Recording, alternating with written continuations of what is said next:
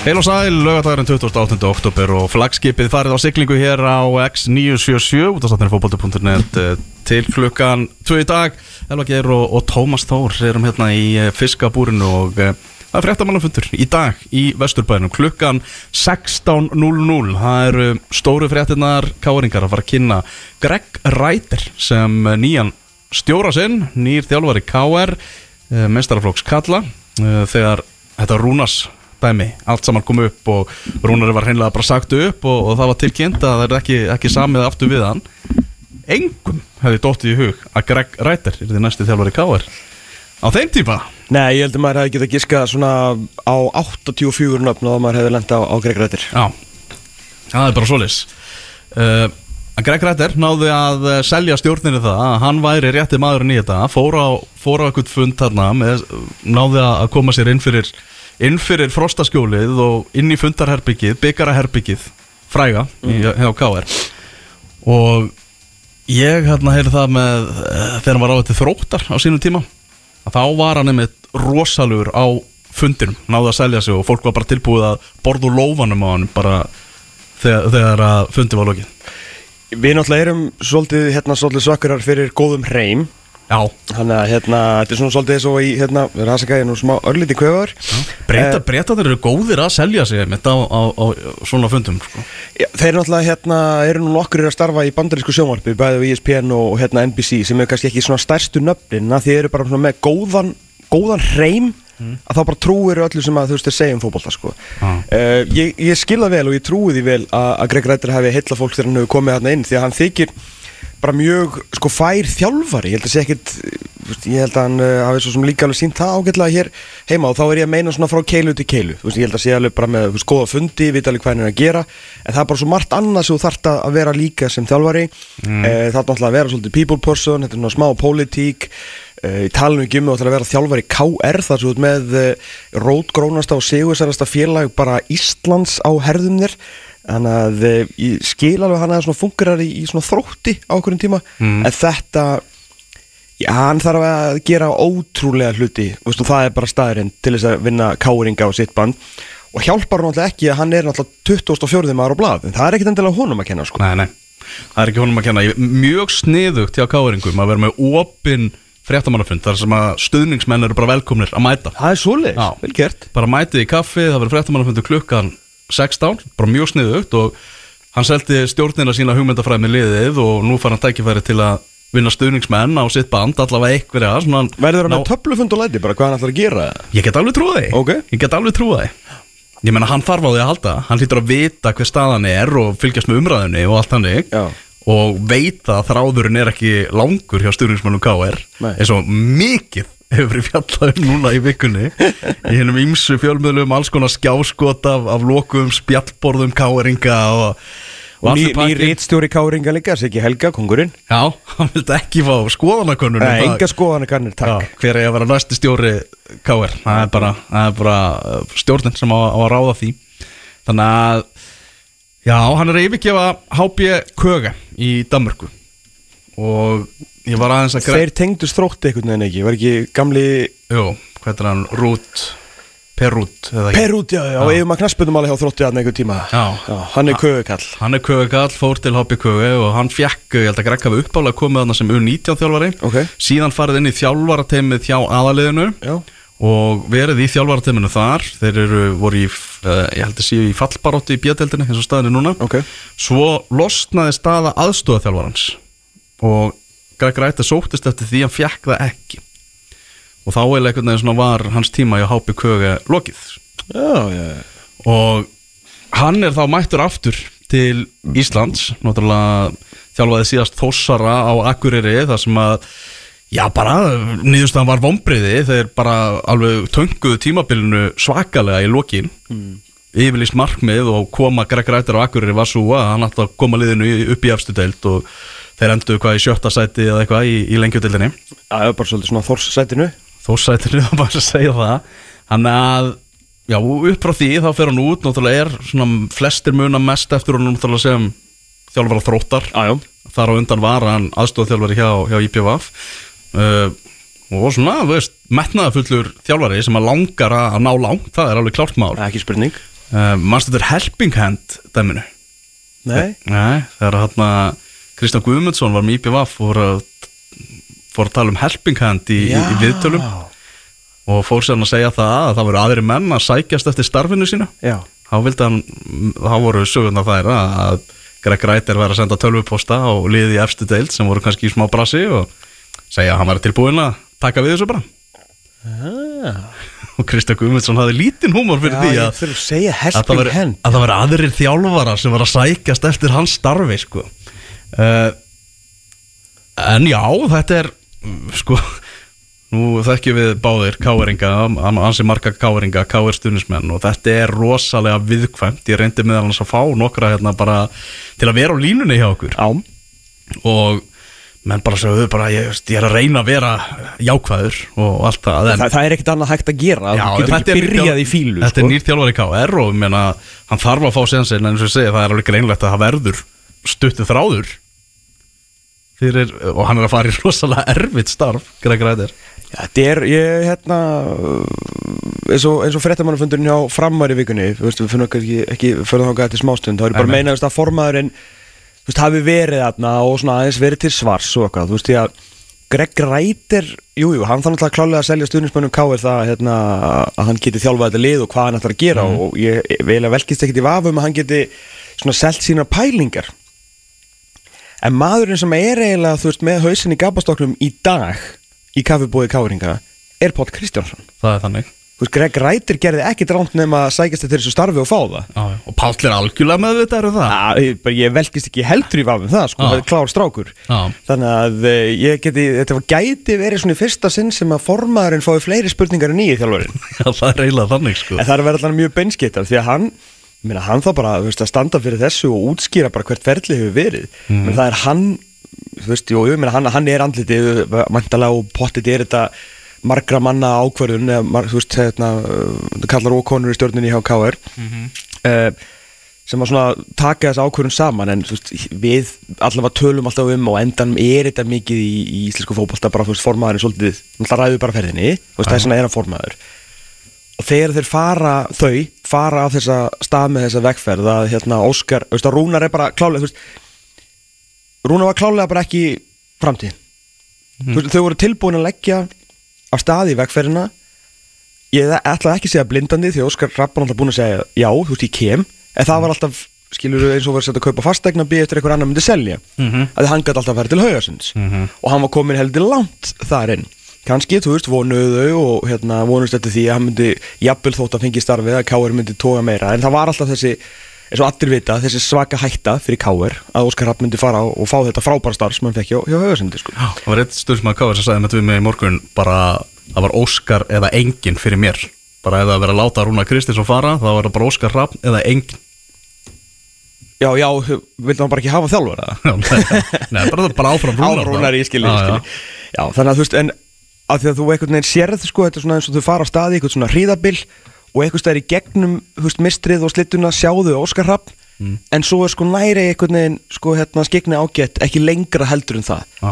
hvað var þá þannig að uh, lendingin er ekki þú veist, þetta er ekki sem hérna ekki stuðnismæður káir en ef ég væri stuðnismæður káir þá væri þetta afskaplega ósexy eitthvað. Þú veist að það er bara þannig. Ég, hérna, ég sem ekki reglundar, ég fer bara eftir þeim og Greg Rætir að þjálfa káir þú veist, ef hann hefði komið þrótt í Evrópu og gert eitthvað svona sturla hluti unni byggarinn eða eitthvað og svona, "Ah, ok, hann gerði eitthvað, þú veist, það hafa alveg alveg alls konar menn komið þrótt upp í þessu delt sko og þau voru ekkit eðlilega lélegir í aðdelt og, já, já, og hann skipt út nánast heilu liði í Já, meina, og- fullt af lélugum útlendingum sem komu Ég ekki bara lélugum, sumir voru náttúrulega bara ónýtir maður þetta myndinni af þarna danska varnamannunum svo þetta er bara, var svo múmia í Já, klefanum. já. já.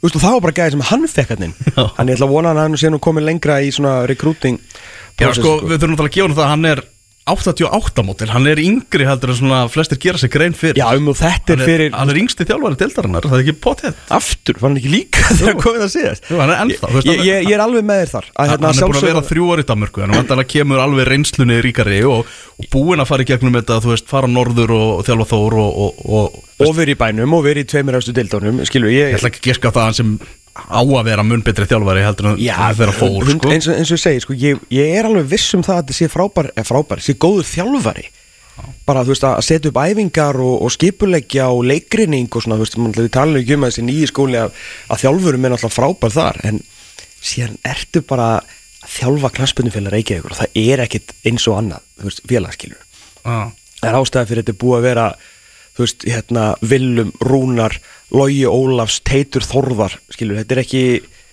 það er ekki bara einhverji sem að þjálfa káir sko. Mhm. Þú veist, þetta er káir Þetta er nefnilega káir sko.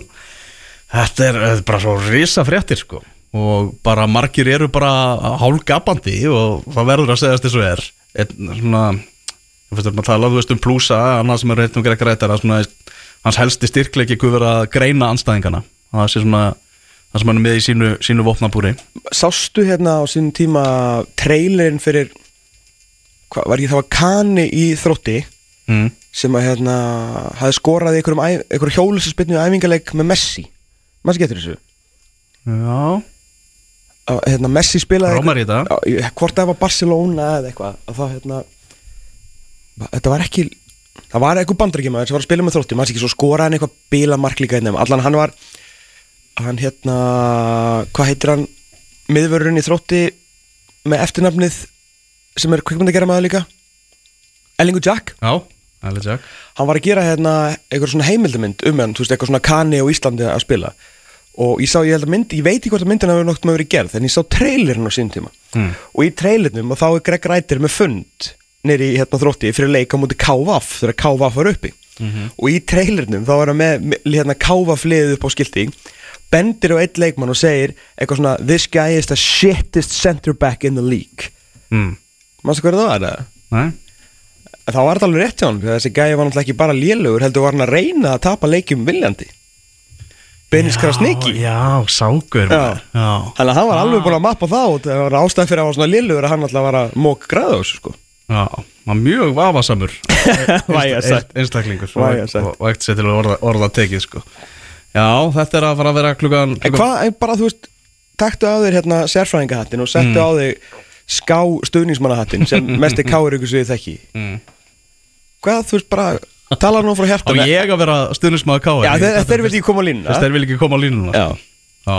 Hvað, þú veist bara svona hvað Ég- finnst þér? Ég er bara að sammála því sem að það sem hann var að segja við mig skilur, maður reyn, maður er ekkert annað en að vera, vera jákvæður en vissulega skrítið og alveg svona fullt mikil neikvæð umræða um káir í aðdraðandanum og leitina og Það er eitthvað svona eitt að leiðilegast að vita sko þú veist, það káiringar líta sem á að skilur káir æðst og mest og káir á ekki að vera skotspót fyrir eitthvað svona grín sko. Alls ekki já, já.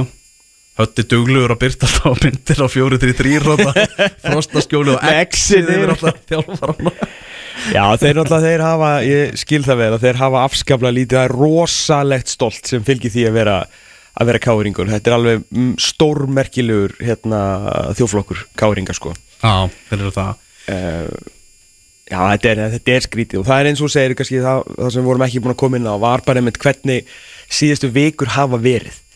Þetta hefur verið svo afskaplega eitthvað erfitt og, og daburt sko.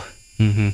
bara þessi leit og allar þessar fréttir og Svo kemur þetta með Ólafinga Skúlason Náttúrulega, við erum búin að rempast Já. eins og rjúpan með staurin að ná í Ólafinga Skúlason það gengur ekki og það var sig. líka svo mikið svona á, veist, það hefur alveg kilt á í stoltið að gæir sem er að þjálfa krakka hjá KSI fær, þú veist, þeir líta á sig svo sko að hann sé heppin að fá að lappa inn í mm. knaspinu, þú veist, inn í frostaskjól Einmitt.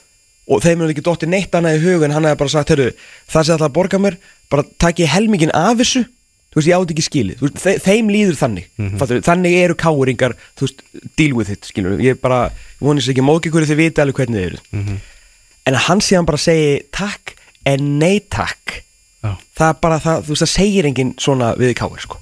Nefnum það væri bara heimir Hallgrímsson eða eitthvað. Mm þannig að það hefur, það hefur verið erfitt fyrir þá. En er Óli Skúla á leiðinu frá KSI frá KSI tjópinum menna, hann segir hann hafi líka farið í viðrað við val um aðstofþjálfara starfið var ekki bara fyrst að fekk leifi til að spjalla við aðra og hann ekki að taka bara, veist, rúndin eða Það er náttúrulega margir fylgismenn sem að dreymum það að hann haldi um stjórnandauðmanna þar. Já, þá Hann er náttúrulega þeirra, þeirra maður sko. Algjörlega, en er ekki, er hann ekki frábæri starfið ógeðslega góða hérna árganga bæði liðinu og liðinu upp? Já, þú veist, ég, maður veit ekki, við erum bara að reyna að fá komment frá Óla skúla, það verður ekki gengið en ég hef eitthvað á tilfinninguna að við hugsa út að hann er skilur ungur þjálfari að bara fara í þetta núna KR-jobbið á þessum tímapunkti þegar það er svona mikil ólga að það sé bara hættulegt högg mögulega á sífi eða illa fer. Já, þú, allan ef þú ert reygin frá Káir þá veit fólk að því. Já, já. Þú veist, það fer ekkert á milli mála að þú látum fara frá Káir Mhm. Ég meina, hverjir hafa verið reknir frá Káir undan fyrir nár Mástu þurfa að teitu Þórða á að látum fara? Já, Við vorum nú saman á leiknum eftir að hann var látum fara þegar á flaut, leikur var flautaðar á og miðjan söng hérna Teitur Þórðarsson bara í 20 mínútur. Já gríðalega vinsall hjá miðunni alveg svakalega sko. Og hérna ekkit ákvörðun hafi verið eitthvað slöka eitthvað þannig, ég menna ég bara segja að þetta var það er eftir í tekið hvað þú gerir með knarspunni fyrir Reykjavík sko sem er alltaf þú veist það sem er spennandi við þetta gig. En svo er hinn spurningin í dag. Þú veist hversu spennandi er að þjálfa káður í dag? Það er bara, svona þjálfræðilega sko. Já, þjálfræðilega og líka bara aðstöðulega. Já, ég, það, það spilar inn í sko. Já, bara hvernig aðstöðu þú ert þarft að vinna með. Og ég var um að pæli því bara með annar, við erum svo lélega í svona málum eins og við sjáum bara hérna út um gluggan hjá okkur þegar við horfum á þjóðarleikvangin okkar lögatarsvöld okkar áskæra Já, okkar harskera sem er búin að vera bara í formalínni rétt eins og aðstæðan hjá KR veist, hver, hjá hvað annar þjóð væri það bara sigursælasta og stærsta fótbolta félag landsins það þekktasta.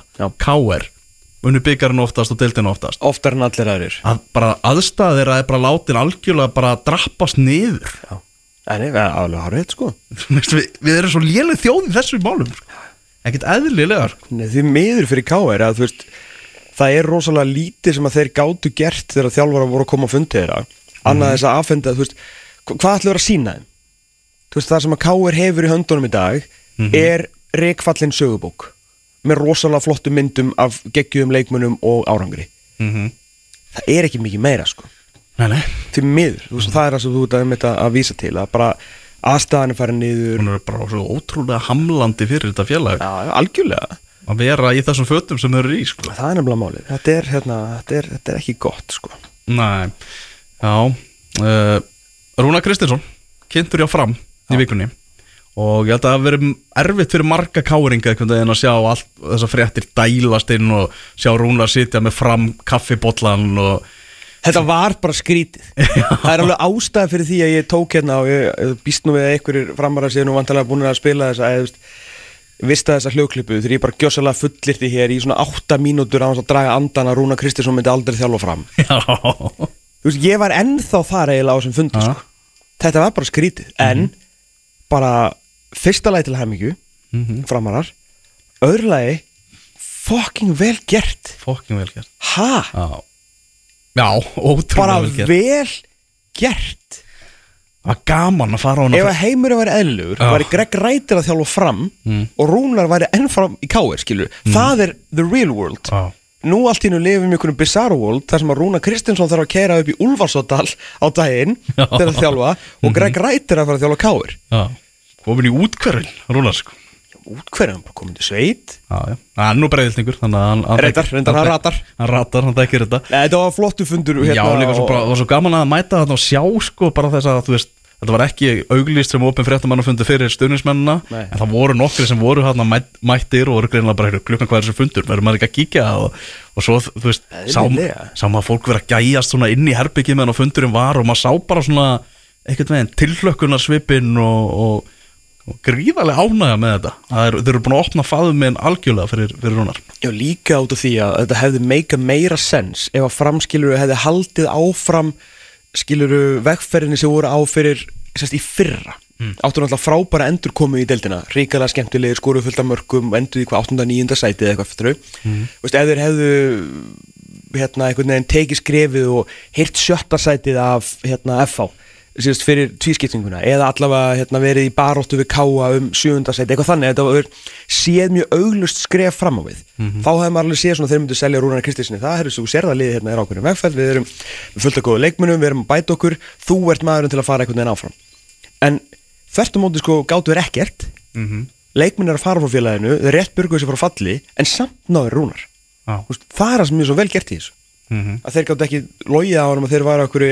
það það búin að vera hérna síðasta ár hefði verið frábært því að var alltaf þjálfa í sömu deild og þeir voru og voru að spila við þá Mhm. þannig að þess vegna finnst mér þetta ennþá merkilega þeir eru einhvern veginn náða selja um þetta og þetta er sko löngu klárt Já, Já, það er svona löngu, eða svona, þú veist, já. eiginlega frá fyrsta fundi var nánast klárt að hann myndi taka við þessu. Svo, hérna, góðar hafa verið hérna verið. margir sem sem hafa spurt bara að velti fyrir sér bara fram er að fara að fá eitthvað rosalegt budget það er það sem er að selja rúnar þetta Já. En hann bara tala opinskátt um það að það væri bara ekkert hannig það væri ekkert eitthvað óeðilegt budget sem var að koma þarna inn. Nei, nei. hann þurfti bara að vinna að mestu leiti með það sem hann er með í höndunum og, og, og allt það. Og, sag, og sagði bara eins og staðan er akkurat núna þá telur hann fram vera með lið bara ef það hortir raunhæft á hlutina sem ætti að geta barist um að vera í top 6 Já. og, þeirra, og þá útskýra það ég viðtalum við mig að þegar svona tvær umferðir eru eftir fyrir tvískiptinguna að framsýja þá í möguleika Já. Þetta er raunhæf staða liðsins í dag að hans mati Já, það er þetta ekki rétt, en, en allt í lagi, þú veist, hann náttúrulega verður að hafa ykkur á trú, sko. Ég, ég hef meiri, ég kannski meiri trú á að Rúnar geti gert á með eða færi ykkur leikmenn, geti verið liðs að gera þetta, en staðan í dag er alls ekki þannig, sko. En það er líka, þess vegna aftur velgert að klára hann. Talandi um budget, að því við erum að pingponga hérna milli Úlfarsadals og, og Vesturbæðar, að að þá er sko Greg Rætir núna að koma inn í, inn í starf þar sem að menn sem eiga alvöru peninga þá er þetta ekki að tala um miljónir, Mhm. við tala um hitt orðið sem endar á arðar. Veist, þar eru gæjar mæta innskilur sem að vilja bara eru bara að nóg þannig að Greg Rætir geti verið að lappa inn í eitthvað svona situation að káir þar sem að þeir hafa náðu einhvern veginn svo miklum botni innan gæðslappa að hann geti verið að fá bara alvöru budget. Og menn að Rúna Kristinsson er að fara upp í dal draumana með ekkert budget. Já. Þetta er hávarasta sagan að það séu að fara að koma einhverjir bara peningaflóðin í, inn í KR Já, ég meina þú veist, þeir eiga eitt góðan sem að var nú heldur betur duglegu við á í, í sumar og bara bjargaði mörguleiti, svo var náttúrulega annar sem ásóldaði peningu bara í stjórninni. Mm þannig að uh, það er nú að káringar, fullt af káringar sem eiga pening sko. mm Já, halda Theodor Elmari náttúrulega, hann bara skrifaði blind undir án þess að vita hver myndi taka við þessu. Það er flott. Og fær þjálfara sem er yngri en hann sjálfur. Það er svoleiðis. Já Það er, svolítið En ég heyrði uh, með aðstofa þjálfara Rúnars að hann vilji taka það norska með sér.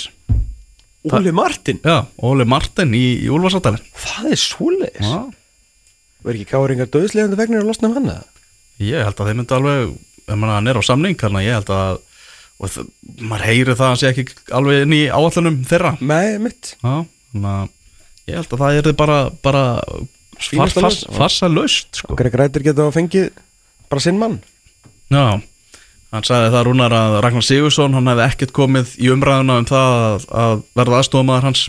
Og Raggi Sigur sagði, sjálfur henni í gullaspjaldinu gæra fyrst hann var búinn að taka skrefið upp að vera aðalþjálfari fram þá fa- fa- fannst hann skrítið að fara aftur í aðstofaþjálfaran Já, já, hjá fram þar að segja, hann var alveg opinn fyrir því að vera aðstofaþjálfari hjá öðru félag ég skilji Já, þetta er náttúrulega ekki hans heimaklúb eða þannig þannig? Nei, nákvæmlega Þannig að það var, eh, já, þetta voru svona já, risastóra fréttir núna í, í vikuna Við förum aftur, eða bara höldum áfram í, í fréttum vikunar Breiðarbleika keppa í, í sambandstildinni Keftu í Belgíu, töpuðu 5-0 fyrir Gent.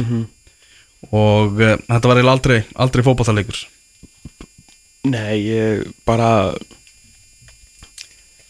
Ég veit ekki hvað ég skal segja. Þetta var bara átakanlegt að horfa á fyrirháleikin Því miður að hérna, þeir voru verður þetta að gefa K.A.A. gent það að ég sjaldan séð skilvirkara lið spila fótballtaleik mm. þegar þeir skoruðu nánast úr öllum skótunum sinum Já. og þá er ég ekki að gaggrina Anton Ara Einarsson því að Nei. annarkvort voru menn dauða frýr í tegnum eða þeir voru bara skjótu tegnum eða þess að hvað var þriðja fjóraðmarki þegar hann fór að það einn á einn og var ekki á Damir frekar en Viktor og tók einhver eina gafreying og smelt honum svo í hotnið og bara voru ógeðslega góðir og þetta er náttúrulega bara það sem að getur gerst fyrir íslensk lið hvort sem að það sé breyðablík í ár eða hvort sem að það verði Vistu, Valur Víkingur framkáir eða Keflavík á næsta árum að hérna, við vonumst náttúrulega til þess að að, hérna, að vera okkar í, í sambandstildinni þetta verði ekki eitthvað svona þú veist, breyðablík gerði þetta 2023 og svo horfum við tilbaka eftir 10 ár veist, þá var það eina skiptið. Við vonumst til að vera með lið þarna í reylakefni helst annarkvært ár og það stýr svona normið. Já. Ég meina keppnin er búin til hand okkur. Mm En það eru náttúrulega fleiri þjóður eins og jú, Belgia og Ísrael og Úkraina og þú veist hinnar Östu, þóðunar í Östublokkinni og, og, og Þískaland og ég veit ekki hvað og hvað. Og, átt okkur að því sko að það er hvað, þetta fjórða besta liði í Belgju eða sjötta besta liði í Þískalandi næst besta liði í Ísrael fattur, þú veist, þetta eru þú veist, þá er ég að tala um liði sem að geta enda hana sko. Aston Villa sem að unnu Brighton 6-1 um daginn sko uh, Aston Villa sem að uh, hvernig unnu í síðustu umferð líka eitthvað, unnu ekki Vestham eða eitthvað fjögur eitt? Mm. bara eitt af bestu liðunum í stærstu og bestu deild í heimi Mhm. er í sambandsdeildinni. Já, og það er náttúrulega það leiðilega ekki leiðilega, það sem erfiða við þetta er náttúrulega þú ert náttúrulega í Európa-kefninni árið eftir, obviously. Breyðabliki fyrra, vinna Íslandsmeistartillin langbesta lið á landinu þá. Nú eru þeir að taka þátt í sambandsdeildinni, bara eins og þú veist, bara svona virkar þetta, sem fjórða besta lið á Íslandi, ef við meðum bara við töfluna skilur mig. Fjórða besta lið á Íslandi gegn hvað sem að gengt er í dag skilur við, þetta er bara já því miður og hérna En samt sko, burt sér frá því þá sér maður varnarleikin alveg galinn í ýmsum tilfellum eins og bara í tveimur fyrstu mörkunum í þessu leik. Já, en þeir bara, þú verðum að bera virðingu fyrir því að þeir ætla bara að deyja á sér hæð Það var bara eins og leik með gent væru með eitthvað huliðskikju bara væru ósýnileg Já, ég meina, þú veist, varnarleikur var, Blikum. var ekki góður, það er alveg rétt já. Þú þarft ekkert að tapa 5-0, ég er alveg sammála því Mhm. En þeir voru bara svo miklu betri Já, já. Og þá er það náttúrulega bara, þú veist, eins og þú segir, viltu deyja á gildunum þínum, skilur við, viltu, Þeir komust þarna á gildunum sínum já, já, og maður heyrði svona vel á, á Hötta Magg sem að lísti þessum leik að hann var ekki sammála og er ekki sammála þegar nálgum blika að ætla bara halda í þessi gildi og spila bara eins og þau séu að spila í bestu tildinni. En, en hvað viltu að þeir gera? Ég meina, þú veist, heldur ef að þeir myndu pakka Eða veist, ef þeir myndu bara spila stífari varnarleik Já, já. Heldur þeir myndu ná í, í stig yfir höfuð Eða myndu bara vera sér kannski ekki vera að fá raskelli, orðanfari Já, bara algjörlega. Já, en þú veist, Ég vil sé að fá stigi í þessum riðli. Ég vil sé að fá... why? Þú veist, af hverju, hverju máli Ég er með blikunum hann sko. Ég er bara að segja það Spila sinnbolta en gleymum því líka ekki að þessi bolti að spila sinn bolta, hann var ekki að virka vel í deildinni Nei, nei, ég, hérna, alveg rétt. hérna í sumar Nei, 100% hann á móti íslensku liðanum var, var þetta ganga misvel Já, sko. já, alveg rétt já, já. Hérna, já, ég, hérna, ég veit ekki hvað, það er bara áhugavert að heyrast frá okkur um blikum um þetta, því ég, veginn, mér þætti skrítið að vera að fara að spila eitthvað fótbolta sem að þeir, hérna, nema þá bara að nýta þetta sem eitthvað svona reynsluferðli og eiga þá, sem sagt, uh, plan B, ef þeir vilja plan B yfir höfuð eitthvað stær í, í pókáttinu, en hvaða máli skiptir, hvort þeir endi með eitt eða tvö stig, eða núl. Ég meina, það hlýtur að, snú, að snúast um það að ná í stig og þeir fá pening fyrir að ná í stig sko. Það er eiginlega aðalega það, þeir fara ekki áfram á einu af tveimur sko. nei, nei. Þú veist, að fara áfram draumurinn er farin Mhm. þannig að ég þetta er skrítið að þeir myndi einhvern veginn allt í einu en þegar Dóri var samt svona eiginlega að verjast þarna í fimm ég menn Antónlega það var alveg þeir voru að reyna að verjast, þeir voru bara já. rosa lélir í því. Já, og, það er einmitt líka máli bara burst sér frá því að þessu, jú, jú, að spila eftir sínum gildum og spila sitt kerfi og allt það þá geta þeir spila betri varnarleik. Það er svo allt annar mál. Já. og það er líka mjög sniðut svona við og við að dekka hina leikmenni í förstu leikatu það er mjög snuðt það er alveg pæling. Á pæling. Já. En svo náttúrulega er þetta lið sem er hérna á næstu eigu, Færium, Klaksvík sem er svolítið svona að, þú veist þeir eru að tapa 2-1 fyrsta leiknum sínum í sem riðli á móti Bratislava. Þeir mæta franska stórliðinu Lill í næstu umferð. Gera þar markalust í aptefli í Færium svo koma þeir og mæta Olympia Ljubljana og enda þetta ekki 3-0 tóku 3-0 sigur. Þeir eru bara með fjögur stig Ah, og bara, ég var bara að skoða færiska miðla eftir þetta og það var bara já, Klagsvík er í möguleika því að fara upp úr riðlunum og ah, já, ég, ég ætla ekki að ljúga því ég sé sekundu með, með Klagsvík við veit ekki hvort þeir sé að pakki vörn eða hvernig bolta þeirra að spila en ég þeir eru bara að spila ágætlega sko. þetta Já. er bara, þú veist, þeir eru bara skinsamir og, og flótir sko. Já, já, bara, þetta er alltaf ótrúlegt þetta er bara gjössamlega ótrúlegt sko. en já, ég ég bind ennþá vonum við það að blikar ná í allavega eitt stygg í þessu riðli. Út í Pólandi á móti Soria Luhansk. Já, það er, það er eini sinnsinn. Já, það er einn, ég er samanlæðið Því miður. Já, Þetta gentlið er alltaf gott, það er spurning með að þið skoruðu svo mikið á Maccabi og það er náttúrulega líka hræðilega hlutur að gerast þar og, og hérna, er, er Robby Kína þá að þjálfa? Þú veist, hvað er, er. Maccabi að spila? Nei, þeir, eh, það er búið að setja pásu á allt og þeir voru ekki að spila núna í vikunni. Nei. búið að finna nýja dagsetningu fyrir leikin sem að þeir átt að spila og, og, og bara, sorry, heimska spurningu að því að maður er eiginlega fylgjast með öllu hinu tengdu þessu stríði að það er ekkert verið að spila fótbolta þarna. Nei, það verður ekki, það ekki spilað í Ísrael. Nei. og UEFA er búið að segja það. Og þeir eru núna í því ferli að reyna að finna leikvang. Bara eitthvað land sem er tilbúið að taka mótið þeim og, og þeir spila þar, bara rétt eins og Sorja Luhansk og, blíkar er náttúrulega heimalegin eftir gegn Maccabi. Já, það er, það er séns á ykkur það er síðan svo ykkur það er bara þannig. Heru, Við fengum þarna, þetta er bara bref frá Svíþjóð. Já. Eh, Leiðilega fréttir Ok. Leiðilega fréttir. Að uh, Túfa fyrir um þjálfari Káa Grindavíkur og, og fyrir um aðstofu þjálfari Vals sé líklega að fara að missa starfsitt hjá Öster í Svíþjóð. Já. Þeir eru að eh, svona þeir eru ennþá held ég tölfræðilega möguleika á því að komast í eitthvað umspil um að komast upp um deild upp úr upp í efstu deildina. Ok en uh, sá möguleiki er eiginlega farin eftir, eftir síðustu úslit og það er stefnum vist allt í þjálfara skipti og það spurning hvort að Túfa sé á leiðin aftur til, til Íslands í íslenska bóttan Já, hann verður ekki lengi að finna starf hér hvort sem það sé aftur í yngri flokkana eða aðstofþjálfara eða bara hennilega aðalþjálfara þú veist í betildið eitthvað sko. Ef það er eitthvað lust Já, einmitt. Það fylgdi líka þessu brefi aðrar leiðilega fréttir að, að Þorrimar Þórisson hafi ekki verið að finna sig síðan að hann kom frá, frá Káa komur ekki bara inn í erfitt situation? Jú, það getur verið sko. Æ, hérna, já, ég ætla alltaf- ekki að ætla allan ekki að orða Arna Gullusson við Öster með við viðbröðun síðast. Heru, hvað, það var bara vikulugu dagskráliður, hvað, við hvað félag ætlar að orða Arna Gullugson við núna? sko við höfum þá hreinu að félögin sem ég, hérna, þetta, þetta var mjög skemmtilega áhugaverð vika eftir að ég hérna, kom með þessi félög. Já. eh, aðalega sérst út af starð og, og virðingunni sem að eh, vefsíðan fótbolti.net hefur hérna, Sportchefar í, í Skandinavíu eru færtir að hafa samband sko. Já, Það Eh, er svoleiðis Ég er búin að vera grínast við þig og, og fleiri vikuna. Ég ætla að finna fleiri lið til þess að orða Arna Gullusson við Bara tóna til aðtöða hvort það er í sömu viðbröð Ég var ekki að Liðin þrjú sem ég taldi þetta upp síðast Og er ekki úr lausur loft í gripin. Nei. Þannig að það sé alveg sagt. Uh, Það verður seint sagt að sportsefin hjá Volringa hafi haft húmor fyrir þessu. Jóakim, Jóakim uh, Viðbröð hans með tölvupóstin sem að Sæbjörn Stangi fekk segir mér að það er meira en eitthvað til í þessu með Arnar. Já. Þetta var að koma svolítið held ég bara óheppilum tíma fyrir þá. Aðalega þú veist þeir reyna að bjarga sæti sínu og Vólarenga er lið sem hefur engan húmor fyrir því að fara í, í hérna B-deild sko. Það er mitt uh, náttúrulega reysa klúpur í, í Oslo og hérna hann var hann var ekki ánæður með, með þessa frétt. Hann, Jóakim, vinnur okkar.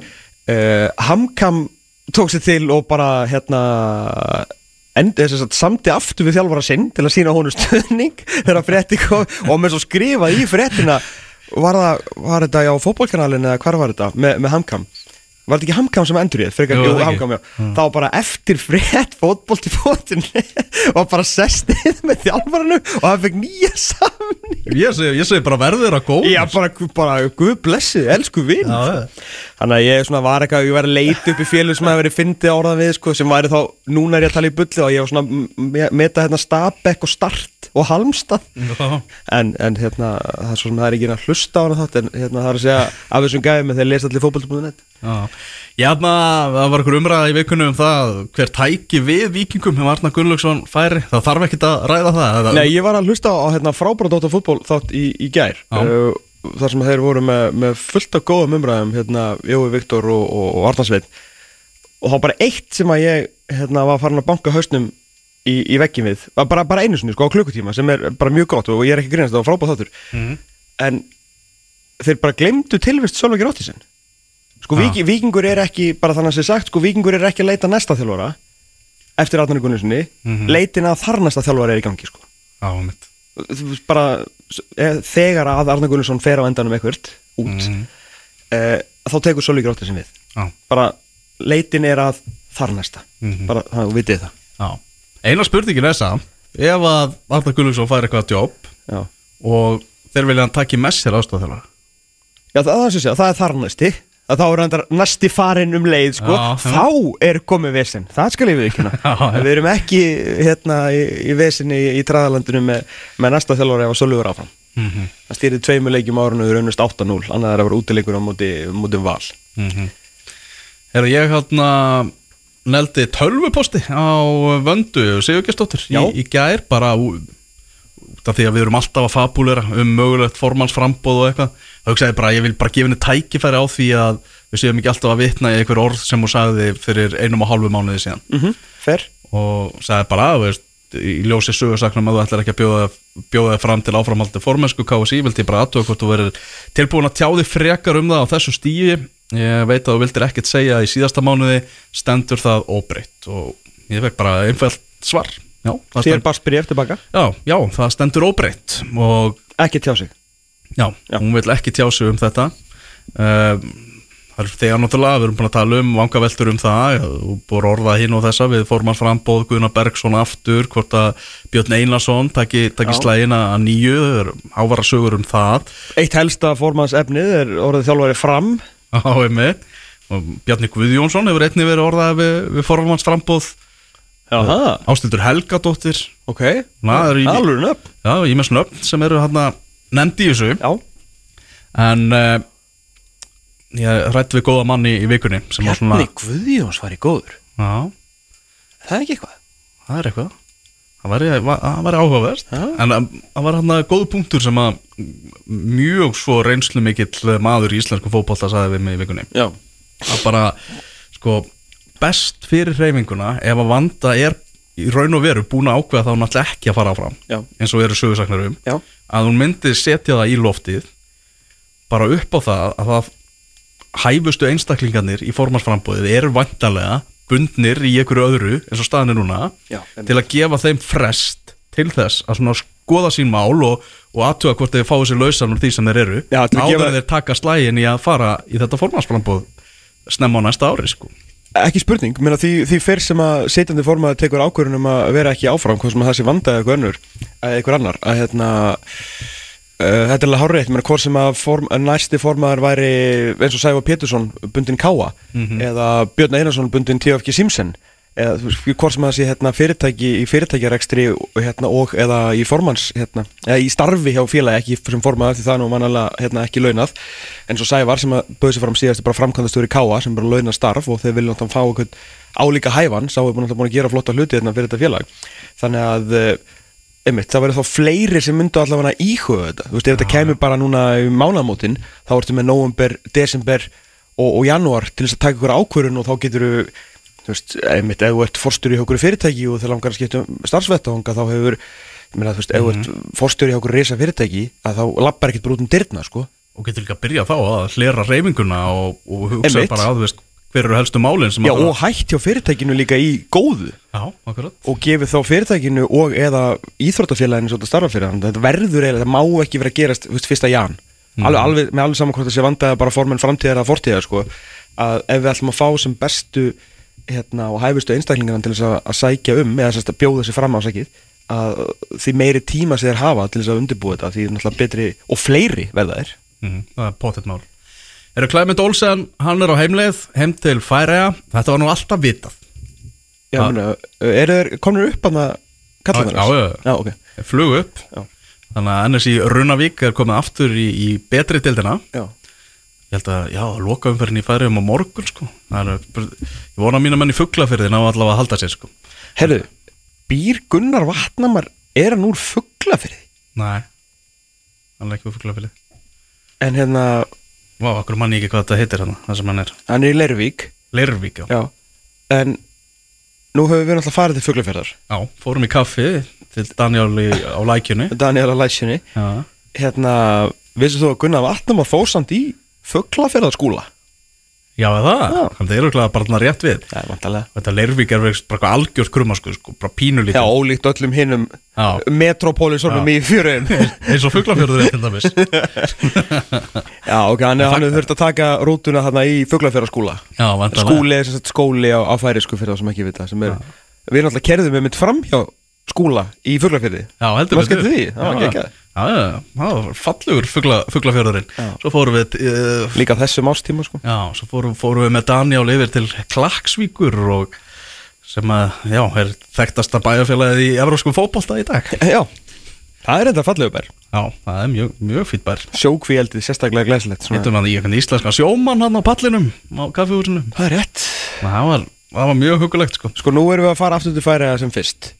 Að fara á, á landsleik eða eitthvað. Okkar menn í Æslandi er, þeir voru tilkynnað um daginn að það verður bara á næsta ári þá verður flóið þarna nokkur sinnum í viku sko. Ég held einhvern veginn að Æslandir gæti ekki orðið betra flugfélag. Ég vissi ekki bara ekki hvað þeim ætla að gera til þess að vera betri. Jú, reglulega ferðið til Nákvæmlega. Takk fyrir okkur. Takk fyrir okkur sko. Að uh, það sem ég er mest spennt fyrir er að vita hvort það sé komin uh, kranabjór í Klagsvík Það er pottið ég, með við, Það hlýtur alltaf að vera allt staffullt á túristu núna Allt upp í KÍ Þetta er rannsóknlega ferð Það er sem að við skulum taka á okkur fyrir land og þjóð. Já. En Klæmend Olsen kemur til breyðabliks vegna þess að NSI Runavík fellur. Hann er heimakjærasti fótboltamaður í heiminum. Og Já, já, eina ástæðan fyrir því, hann vil náttúrulega spila fyrir land og þjóð spila fyrir færiska landslið og landslistjálfarinn sagði það skýrt ég er ekki fara að velja leikmann úr bjettildinni í færium í landsliðið mitt. Og það var og bara honum datt ekki í hug að fara til HB nei, að fara í eitthvað annað færislið nei, nei, nei, nei. Ekki að ræða það. Nei, þannig að hann kom hérna, tók þetta tímabil og það var alltaf vita mál að þetta er því eitt ár. Æjó, svo fremi sem að uh, þeir myndu fara upp sem var alltaf gefið. Já, svona alltaf gefið þeim náttúrulega bara eins og við elskum að betri dildin í færi og þá er betildin hjá Malkjós Grín sko. Jú, jú, rétt. Það, það er svolis Þannig að klæmynd á, á heimlið það er náða gaman að hafa hann hérna. Já, ég er svona að tvent með klamynd A, hann er staðið sér hrikalega vel mm. upplöfuð frammeiri sem að hérna, byrjaði illa en hefur, hefur síðan gert vel. En það fer svona sögufálsun um að um að hlaðvarpstættir hafi verið að tala um að hann væri svo lélugur Já. og, og það væri svona, okk, og við svona einhvern veginn höfðum að, að geta eitthvað að sokka því hann væri búin að svo góður. Og, og við höfum verið að reyna að senda hann heima því hann var svo lélugur Kall eftir því að breyðablík myndi bara hendur um í burtu. Já, sko Það er kolrá Já, það, þetta er náttúrulega bara sögufölsun. Því að við gátum ekki einu svona dæmt hann Því að hann komst ekki í leikmannahópin Í þungaviktabeikarnum. Og í lengjubeikarnum Þannig að þegar þú ert með atvinnumann á þínu snærum Í februar sem kemst ekki í leikmannahópina Þegar hann svo liður Að þá er eðlilega að tala um að hann gæti farið heim Mhm. En það hefði náttúrulega verið algjört grín á okkur að segja að hann ætti að fara heim að því við höfum aldrei síðan spilað fótbolta því að aftur, hann komst ekki í leikmannahópin Einmitt. En frá því Áskar Hrafn sett hann ekki í leikmannahópin sinn í sko æfingaleikjum í februar í það að vera starter og bara en ekki markasti leikmann í Evrópu á eftir náttúrulega jú. högga sko vel gert, bara hörku heldur leikmann skoraði fyrsta íslenska markið í riðilegkjarni Evrópu Já, svo en ekki að slapa Já, það er með Færi eða skýsleska Færi íslenska, íslenska. Heyrðu þarna Vestrameðan, Sambi Hann er bara búinn að ná í markmann. Og strækir. Já. Strækir fyrir viku, markmann núna mm Mhm. -hmm. Nei, miðjumæðan til í vikunni. Þannig eru bara verkin látin tala. Það var uh, búist við því að Vestri myndi núna sækja sér markmann og hann er kominn, heitir Andreas Söndergaard sem er mjög svo hendugt að hann er danskur því að eins og við tölum um í síðustu viku þá er þetta klættharða hafsendapar hjá þeim er danst þannig að það verður töl, þannig að þrýherningur það verður bara tölu danska í hjartanu í, í varnarleik vestra.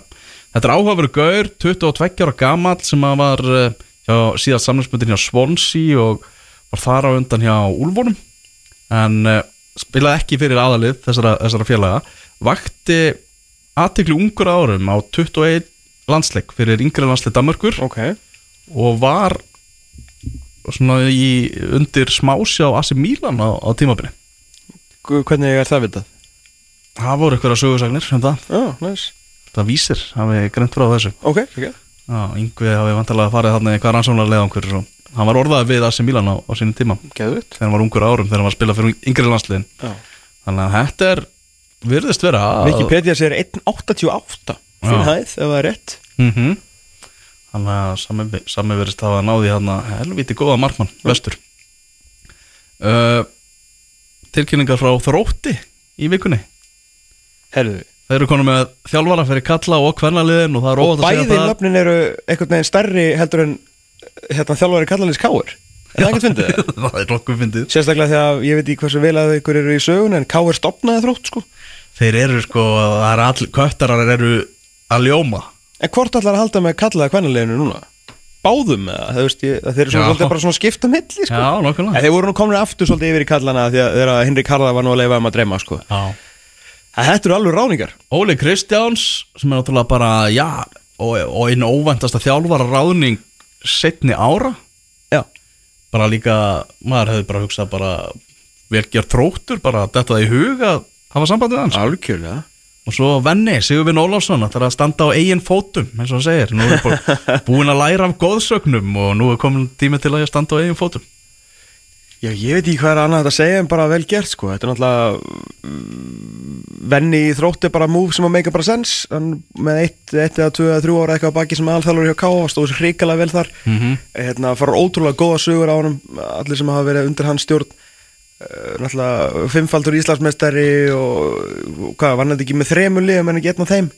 Minni það. Uh, var hann ekki með K.R. IBVF og og FH ég held að sé af þeim sem að eiga hérna, eða sérst með þremur liðum. Bara algjör góðsögn og, og flottu kall. Þannig að þetta verður bara mjög áhugavert. Og hann hefur líka sýnt að hann kann alveg að þjálfa.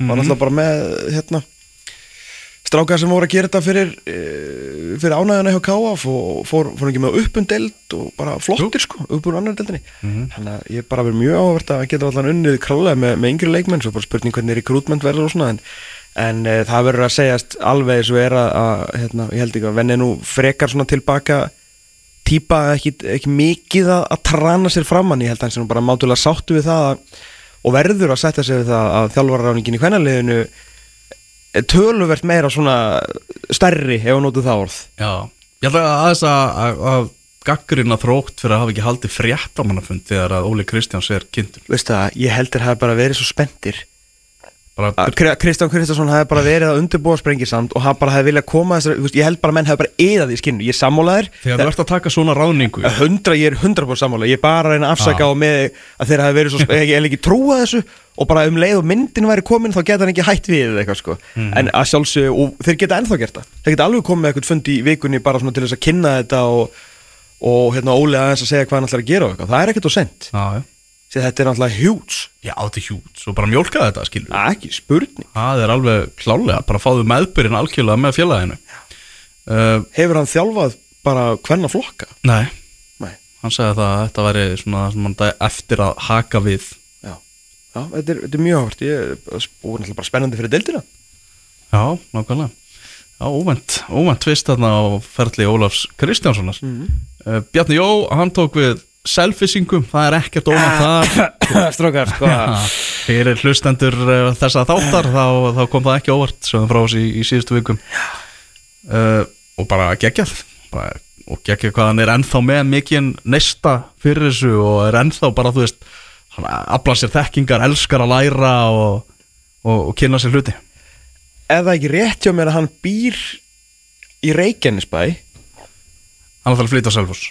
Hann þarf að flytja á Selfoss ok, þannig að hann er ekki að taka Reykjanesbæ Borgarholtskóla Selfoss og heim á hverjum degi? Nei, ég held ekki. Jésús minn, Já, það verið erfitt. Já. Ok, hann þarf að flytja Selfoss. Sá lærði Guðmundur Aðaltið tók viðtal við, við Bjarnar Jó sem ættir að finna á hlaðvarpsveitum fótbolta.net Já. Viktor Jónsson, hann framlengdi við eh, Já já, og nóg að gera hjá ég, við ætlum að mynda að heyra hér á eftir í Jóni Þóri Hugsinni uh, Þjálfara skagamanna. Uh, taka aðeins púlsinn á, á honum en uh, þeir eru búin að vera svona duglegir. Það voru duglegir á að framlengja við, við menn og svona eru á fullu bara báði nýliðarnir í á vestri eru búin að vera að slípa hópana sína saman fyrir, fyrir komandi hvernig eru þeir áttur að missa? komandi tímabil. Já, er að missa, er ekki eitthvað að fara í val? jú, Lagstall, nei, hvað er jú, jú. Já, já, lagstæðar já, en þeir eru búin að semja við hérna, hvað, Jón og uh, Viktor. Mm búin að fá Henrik já, þetta er fínum mann. Já, og Viktori langa, vi- hún langar mikið að skora í efstu deldi þetta það sé alveg klárt, þannig meðvitaður um þá umræðu að hann sé lengjudeldar strækjar. Um, hún kemur nú aðalega bara til út af síðun hans að KSI Já, ég segi þannig, B-deld 106 leikir 79 mörg Jesus Christ. 79 mörg í 106 leikjum í B-deld, það er rosalegt. 19 í 97 í A-deld Æj, æj, æj sem er samt ekkert ekkert, ekkert hörmulegt, skiljur 1997 ah. Hefur pælt í að það eru 12 ár síðan að Viktor Jónsson skoraði sitt fyrsta mark í, fyrir hérna í mestarflokki Tími flýgur Það er svona óþægilega áminning maður- hvað maður er gammal sko. Já, já. Já. Er já, eins og segið, við ætlum að heyra í, í Akranesi hérna á eftir. Eh, það er hátegisleikur í anska boltanum. 62 mínútur á klukkunni. Chelsea er að tapa fyrir Brentford á Stamford Bridge. Chelsea 0, Brentford 1 Já, það er uh, lærisveitn uh, Heimis Hallgrímssonar sem skoraði markið í leiknum. Jamaiski Varnar uh, Jálkurinn Íðan Pinnock Chelsea að taka eins mikinn Chelsea leik og uh, hægt er búin að vera miklu betri meira með boltan en geta ekki skorað fyrir sitt litla líf. Mm -hmm. Lítsarar, þeir eru í stuði Champions-tildin er að vinna höttasvill núna 4-0 og það er inn á við klukkutími búin að- þeim leik þannig að þeir eru miklu stuði. Það eru leikir í eh, að svona fáir leikir í ennsku úrvastildin í dag það eru tveir leikir sem verða klukkan 2 Bornmót mætir Burnley og í, í ansi mikilvægum fallbaráttu slagi, við getum talað um það á þessum tímabúti. Og Arsenal tekur á móti Sheffield United. Já, tvískipt uh, helgi þar að segja lögutur og sundar 5 og 5 að þess að það var náttúrulega Európavika og mikið af henskum liðum í Európa Já, Úlfarnir eh, taka á móti Newcastle og svo á morgun þá eru já, þó nokkri leikir eh, meðal annars eh, Liverpool Nottingham Forest og svo sjálfsögðu Manchester United á móti Manchester City. Borgarslagurinn í Manchester Borg. Já, það verður, uh, ég fekk röndánið sendt í gær fyrir sagt United City og að sjálfsögðu verður minningar aðtöfnum um Sir Bobby Charlton.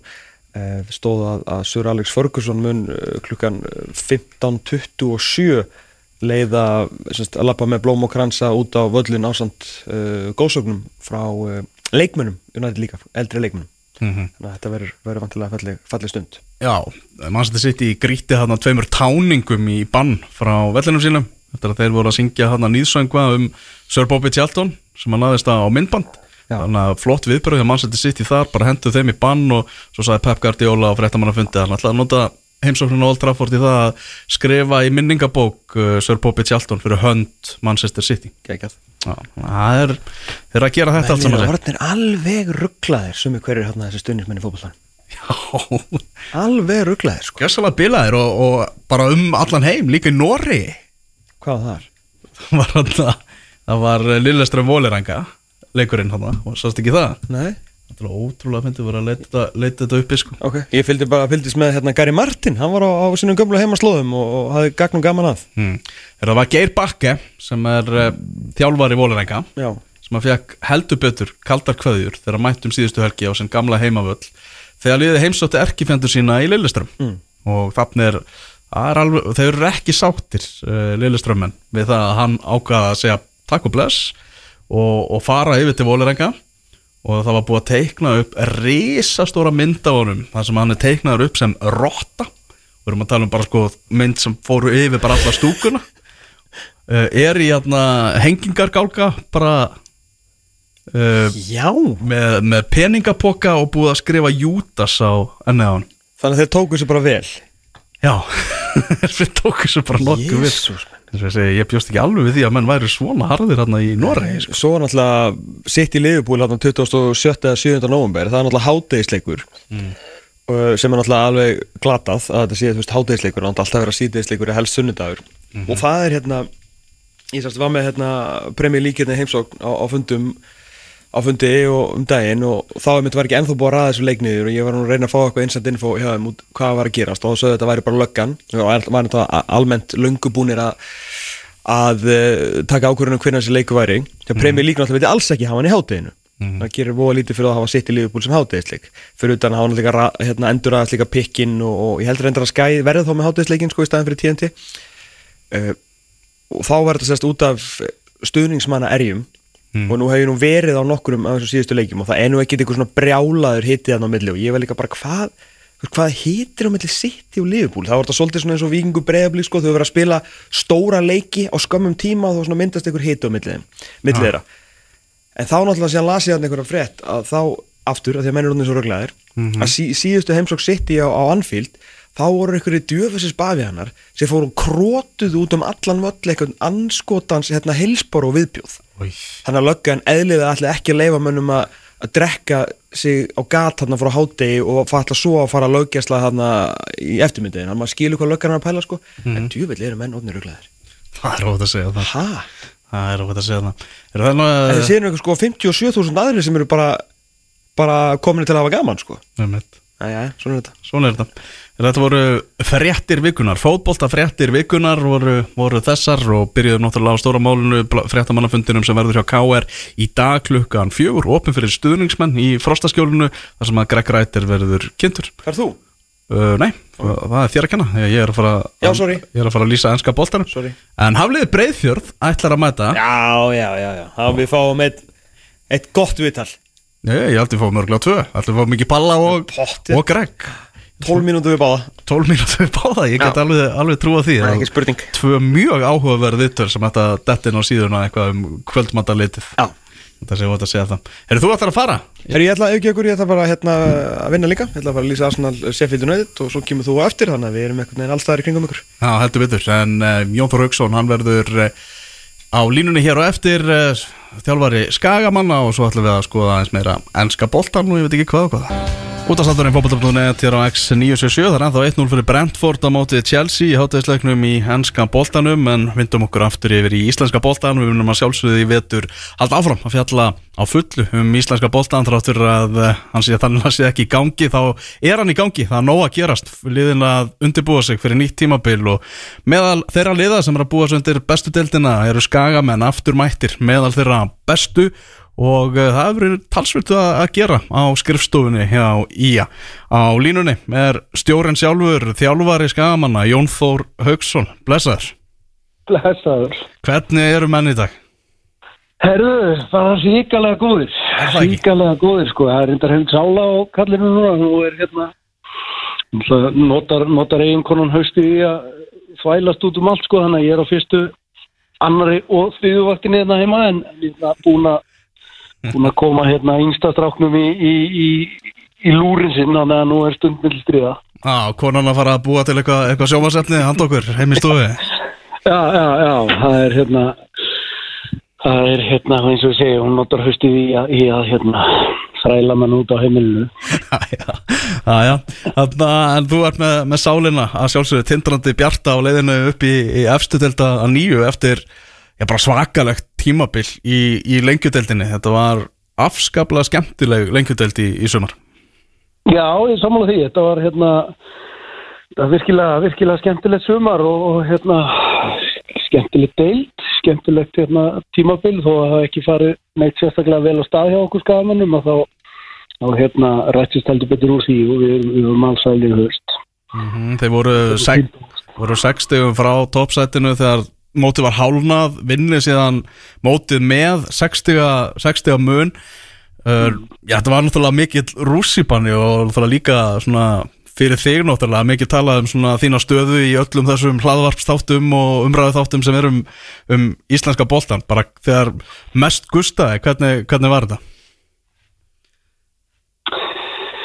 Já, já, það var hérna sem ég er komið hérna inn á það áður að hérna það, það sem að það sem að það var allan tíman hérna mikil trú á það sem við vorum að gera og, og hérna og, og það, það voru í gegnum hennan erfiða kabla og var stígandi í leikliðsins þannig að hérna þannig að svona innan, innan okkar hóps að þá var, var, var hérna og svona þráttur, þráttur út að væri, væri hérna Olgu sjóra þá, þá var, voru, voru hérna, merkileg róliheit í kringu lið og innan, innan, innan hérna, liðsins. Þannig að, hérna, þannig að þetta tókust menn á og tóku á þeim málum sem þurfti að taka á og gerðu það bara, bara hrikalega vel og, og, og hérna og eins og segir hrikalega stoltur og ánaður eh, hvernig, hvernig okkur tókst hérna að, að eh, byggja upp, byggja upp nýtt lið eða, eða nýjan hóp og ég held að það sé fyrst, fyrst og fremst það sem að, sem að hérna sem að hafi svo gert það að verkum að, að hérna liðið, liðið fór í gegnum þetta og, og hérna og, og tók á þetta flug sem að, sem að hérna sem við fórum svo á. Uh, að það, það var mikil samheldni í liðinu um, um öllu liðsheild. Það var það sem við stemdum á fyrir tímanbilið og, og, og hérna og við nutum, nutum góðs af því þegar á móti blés hann í byrjun og, og hérna og þetta er það kannski líka einhverju leiti hérna eðlilegt Eh, það eru mikla breytingar á þetta milli ára hjá okkur. Ég held að sé á síðasta tíafbili eða árið í fyrra að hafi e, átján leikmenn sem að, sem að, sem að hérna, yfirgefa liðið mm -hmm. og, og það eru auðvitað mikla breytingar og, bú, og þar að auki búin að vera e, mikla breytingar á leikmannahópi liðsins undanfærin ár á undan því líka þannig að hérna þannig að, þannig að það er kannski eðlilegt að einhverju leiti að liði færi, færi pínu hérna heikstandi inn í mótið og, og það er að ekki þetta missuði alveg steyði úr vörninni rétt fyrir mót á samt, samt hákunni ynga hægri bakverði sem að hafi spilað alla, alla undirbúnsleikina hérna fram að því. Þannig að það eru tveir máttastólpar í, í fjármanna varnalínu sem að dett út þarna rétt fyrir mót. Þannig að hérna þannig að, þannig að það tók smá tíma að hérna slípa það saman. En, en, en hérna en veturinn hafi gengið gríðarlega vel og, og þannig að við höfum allar tíman eh, mikla trú á því að við, við myndum snú, snúa gengið leysins við en, en, en hérna á síðan náttúrulega við ég held að sé þrý tableikir í sögumar hjá okkur hann að hversu, hversu hérna hversu slæmur kabli getur þetta verið? Ah, eftir að higgja þetta voru, voru fimm sterkustu liðin í deildinni sem spilum við hérna í upphæðu móts og hérna töpuðum tveim, tveim af þeim leikjum og, og báður auðvitað á heimavelli sem, a, sem a, var auðvitað mjög slæmt. En, en, en hérna jættibli á Ísafyrði sem, sem að eftir á að higgja eru, eru bara sterk úslit það sigur á, á hérna, leiknisvellinum sem eru, eru líka gríðilega sterk úslit mm -hmm. og tableikurinn eða þessi tveir tableikir á móti Grindavík heima í fyrsta leik og, og fjölni sem er, er fymti leikurinn í þessari byrjun að hérna á fjölninsleikurinn í setni háluleik fjölnins hafa farið einu sniðu miður og skoruð þá annar marki sitt í leiknum og, hérna, og stílu frábæra frábær leik þar. Þannig að hérna, þannig að þannig að hérna, þannig að það var eins og sé það var, það var svona þokkaleg róli heit bara innan, innan okkar hóps með það og að það var vissulega mikil olga, olga hérna út á við eins og segir umræðan umræðan hérna kringulíð og það er auðvitað bara hérna hvað maður segja þetta er bara nýr veruleik í íslensku fókbaltar núna undan er kannski hvað 5-6 ár eh, gríðilega mörg podcast og, og hérna og þar eru kannski meira verið veri í hérna vangaveltum og, og, og hérna og verið að geta sér til hlutina. Þannig að hérna að hérna það er náttúrulega alltaf alltaf hérna menn hýtti á rétta rétta réttan hest þar ekki alltaf. Nei, eins og, eins og mörgdæmi sanna, það er rátt að segja það. Þannig að hvernig var bara líka þú veist að vinna þessa deild og vera laus við þessa úslita kjætni þar áttur hún að við verið alveg stóðskjæntilega vera ekki að fara í mm. eitthvað, eitthvað kjætni þar sem að bara eitt raukt spjald og, og bara sumarið er ónýtt? Já, já, nákvæmlega, það er hérna, þetta bara fyrst og fremst var það hérna, okkar markmið að vinna, vinna deildina og hérna þetta bara gerðum það feikilega vel og, og hérna síndum mikið styrk á, á hérna á loka kaplanum að hérna erfiðir útverðli bæði, bæði hérna Þóra Akureyri og, og Njarvík úti sem við vinnum í síðustu þrema leikjónum að hérna þú grópa heima þetta en, en hérna það var auðvitað bara eh, virkilega, virkilega sætt auðvitað að vinna deildina en, en, en á móti kemur að hérna auðvitað hefur maður eh, hérna auðvitað frábært að sleppa við þessu úsleiketni en, en ef við hefðum hérna þurft að tryggja okkur sæti í erstu deild með því að fara í gegnum úsleiketnina þá hefðu við gert það. Hérna gríðarlega skemmtilegt eins og þú segir skemmtilegt keppni umspilið og, og hérna þetta úslita leikur á lögatarsvelli það er, er gríðarlega langt síðan að að Ía hefur unnið úslítarleika á lögatarsvelli þannig að það mm -hmm. hefur bara verið áskorun sem við hefum tekið bara tekið bara fagnandi en auðvitað var það alltaf, alltaf hérna, mikið hugur í mönnum að, klára fyrsta sæti og gerðu það frábæðan mm -hmm. En það hefur verið leiðilegt að fara í þessu úslítarkefni og þú hefur þurft að skilja þá samma eftir í, í, í lengjuteltinni Já, já, það hérna Það er þetta bara eh, óska þeim til hamingju með, með hérna, frábæran árangur og, og, hérna, og vera, vera hérna, loksins búin að ná því markmiði sínu að sami að, koma liðinu upp og þetta er bara ótrúlega, ótrúlega starf sem að hann og þeir félagar hafa unnið á Ísafriði. Mm -hmm. Bara virkilega hérna, skemmtilegt og góð stemning á, á, á hérna á þeim leik, ég var nú á úslita leiknum á, löðarsvelli og, og setni leiknum móti, móti fjölni þegar það triður sér í, í, í úslita leikin og þetta bara hérna virkilega vel gert í það mm, Þú náttúrulega fyrir um þjálfari vestrað og hefur verið auðvelt að samkleðast í svenningum þegar það er triður sér hérna. Já, já, já, var það, það var hérna eins og, eins og ég hef sagt áður að hérna átti frábæran tíma þar þó hann hafi verið stuttur og, og hérna kynntist, kynntist virkilega hérna góðu fólki sem að ég er ennþá í miklu sambandi við og, og hérna bara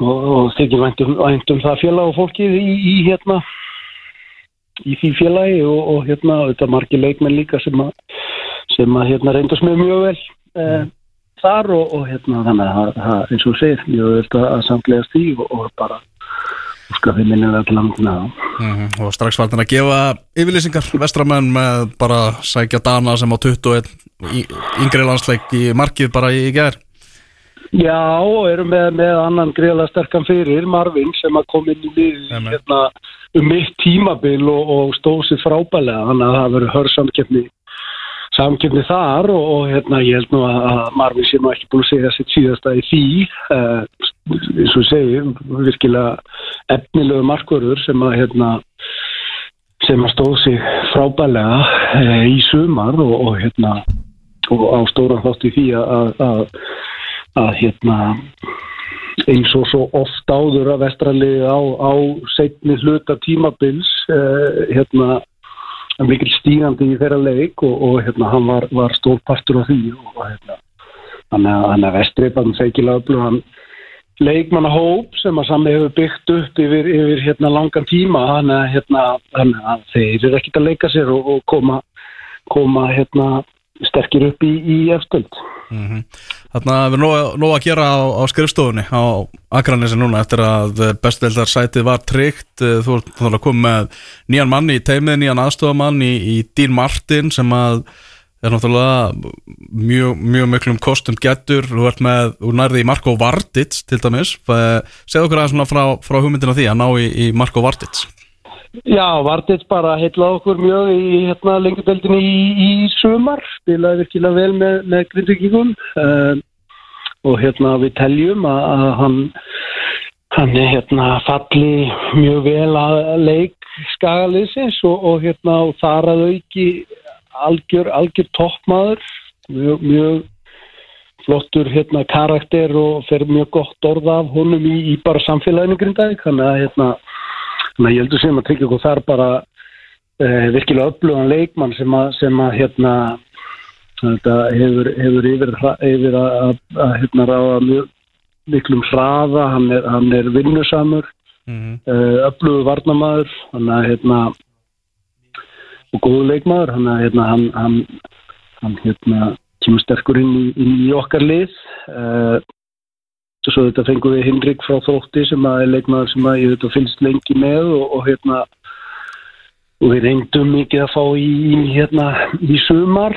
Uh, tók, svo, tók svo núna eftir tímabili við erum í skíunum með það. Uh, ungur og efnilegur framherri sem að hefur að gera virkilega góða hluti bæði annar bild og, og, og svo lengi bild í sumar. Mm -hmm.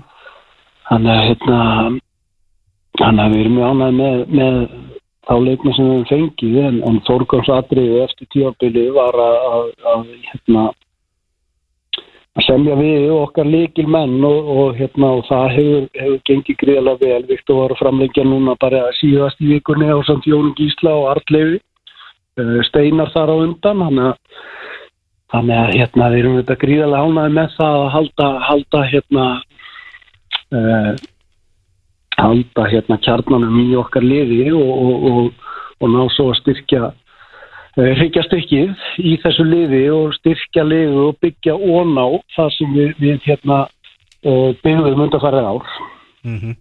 Þannig að Marko Vartits er þetta að hugsa aðalega sem miðjumann eða hafsend? Já, við fáum hann inn, inn, inn hérna sem miðjumann, þetta vitum við að því að hann spilaði spilaði líka sem hafsend með Grindavík og gerði það virkilega vel. Þannig að, þannig að við erum auðvitað bara hérna uh, að fá fjölhæfan leikmann í, í, í hérna okkar lið sem að, sem að eigur virkilega á dýftina í hópnum og eigur breytina í, í hópnum í fleiri neina stöðu. Þannig en fyrst og fremst já, erum við að fá hann sem hérna miðumann Já, já Þannig að hvað næst? Hvað er, hvað er næsta dagskrá á, á, á skrifstofunni? Það var eitthvað sögursagnir um Oliver Stefánsson Er það eitthvað að vinna í því að, að fá hann? Uh, nei, það er ekkert, ekkert samtal átt sér stað milli, milli hérna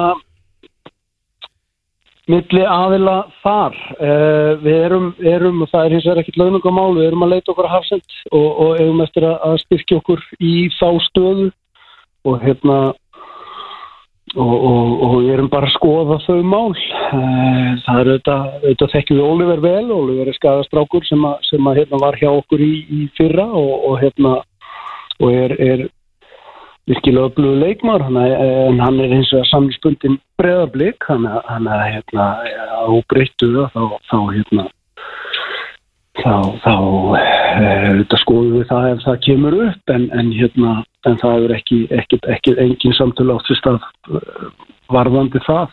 Þetta er bara óskum, óskum Ólið er allsins besta í því sem að hann tekur sér fyrir hendur og, og hérna og, og vonum að honum vegni vel og, og hann, hann þetta hérna ungur og efnilegur, efnilegur leikmaður það hefur verið, verið hérna þetta bara við hans sögu, hann kom hérna fyrra og, og hérna frá, frá Norsipík, var þá búin að vera í gríðala miklum hérna veikindum og og hérna og það gekk svona upp og ofan tíafbilið í fyrra, þetta bara takt við, við líka bara gengi liðsins en, en hérna hann fer svo til bregðarlis á, á þessu ári og að því sem er skilst að hefur verið, verið heil á þessu ári og, og, og hérna, það er ekki nokkur spurninga ef að, ef að Oliver næsir á stryk og nær, nær, hérna, nær heilsu þá er þetta topp, topp leikmaður, það er ekki nokkur spurninga ef að stenginu það. Mm -hmm. Þannig að fórkásatriði hjá þeir er eins og staðan er núna í miðvarða stöðuna.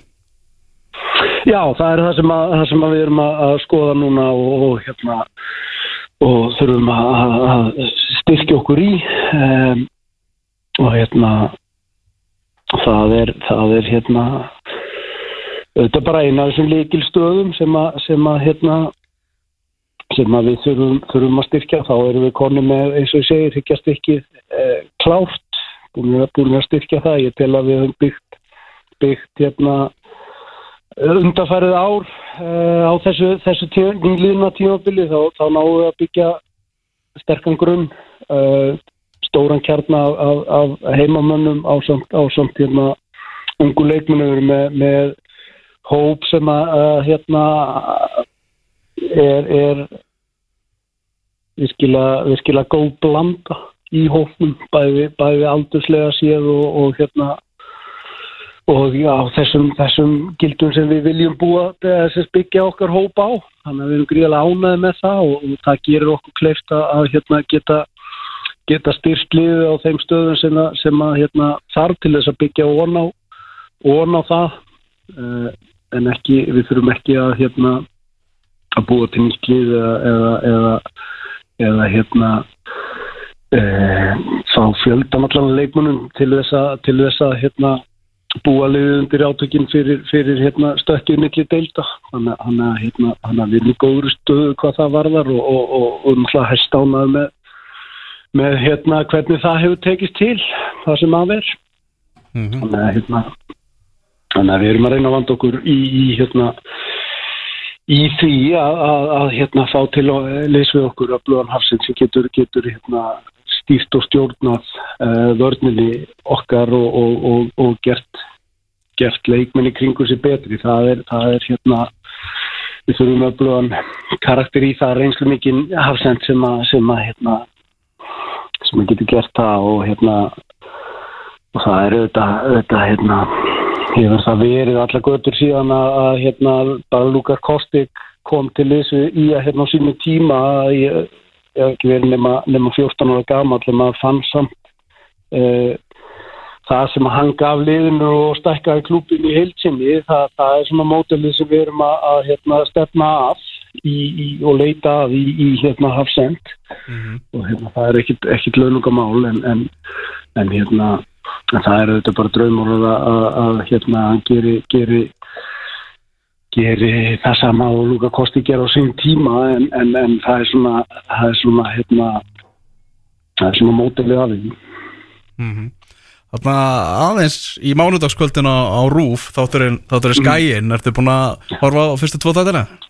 Já, já, heldur betur, alveg drukkið þetta í mig. Þetta er náttúrulega ekkit, ekkit, eðla gaman að sjá þessa, þessa myndir og, og hérna þetta gamlu kempur að tala um þennan tíma. Maður náttúrulega fær bara gæsa hóðu minnur minnur þess eh, glæsilega tíma á að gransi þannig að hérna þannig að þetta er mikil nostalgía og, og hérna skemmtilega þetta Já, heldur betur. Og líka bara geggja að, heimildasöfnun að eiga þetta bara svona á, á einum stað til, til framtíðar.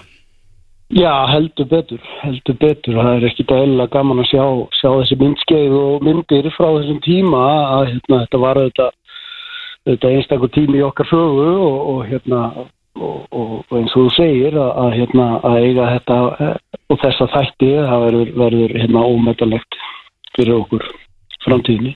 Nákvæmlega. Jón Þór Hauksson, bara takk hjá fyrir, fyrir þetta spjall og uh, þú getur gengið að því vísu að við munum bjalla á því aftur eitthvað til manni í vetur þegar nær dregur. Það er bara gaman að heyra ykkur. Sumleðis, bye bye. Bye.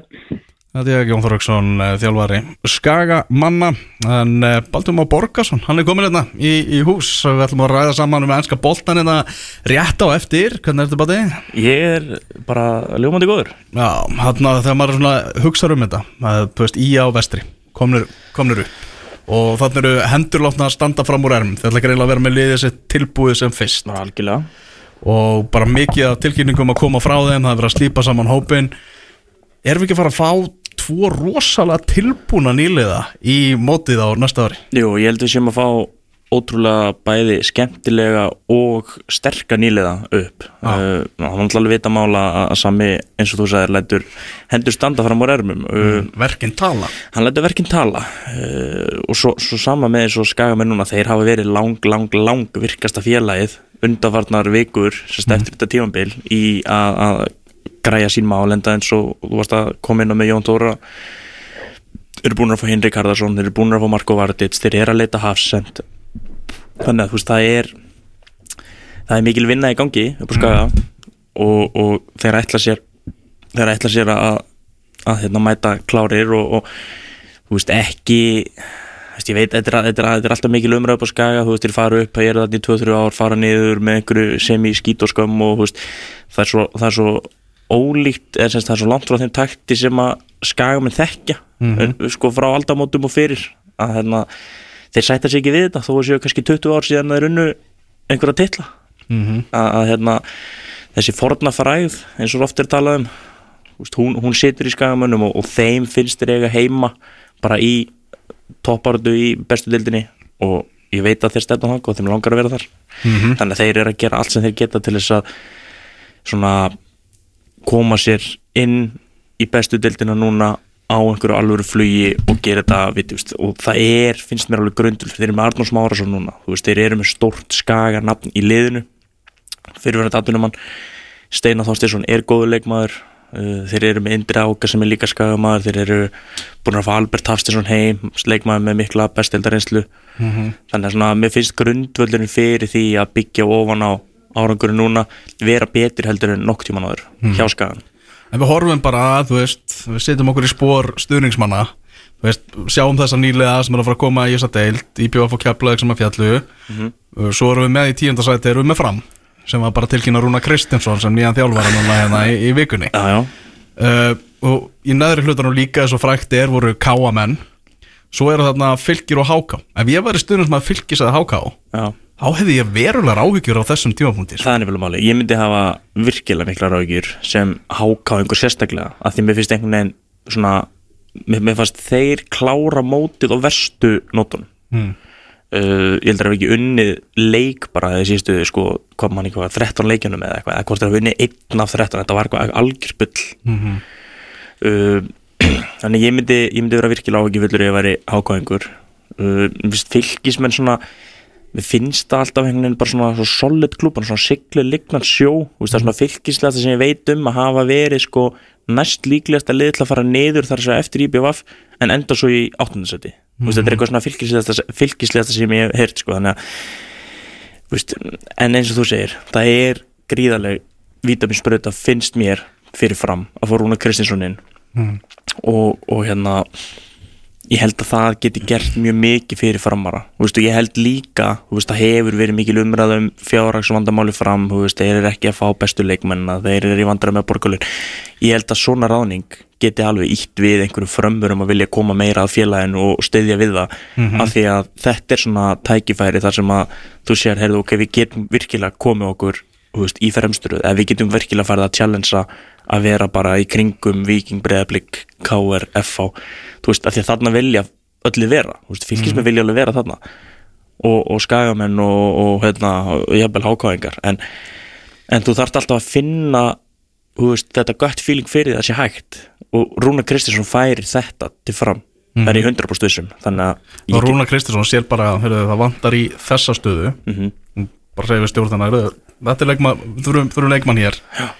þá held ég að sé já, held ég að pening, það eru peningakallar sem ég, sem ég sem að halda mig fram Já, það er alveg já. það er einhver sem er potið tilbúin að taka upp veskið Þa, það er sem ég segja, Ah. en, en sá sami aðli væri kannski ekki tilbúin til að taka upp veskið fyrir Raka sig sem að hefur þjálfað tíu leiki eða eitthvað og, þú veist, á ferlinum þó hann sé legend sem atvinnumæður þá hefur hann ekki unnið titil sem þjálfari. Þú veist, það er ekki sama spenna fyrir því að fara upp Raka sig eins og fara að bakka upp Rúna Kristins. Nei.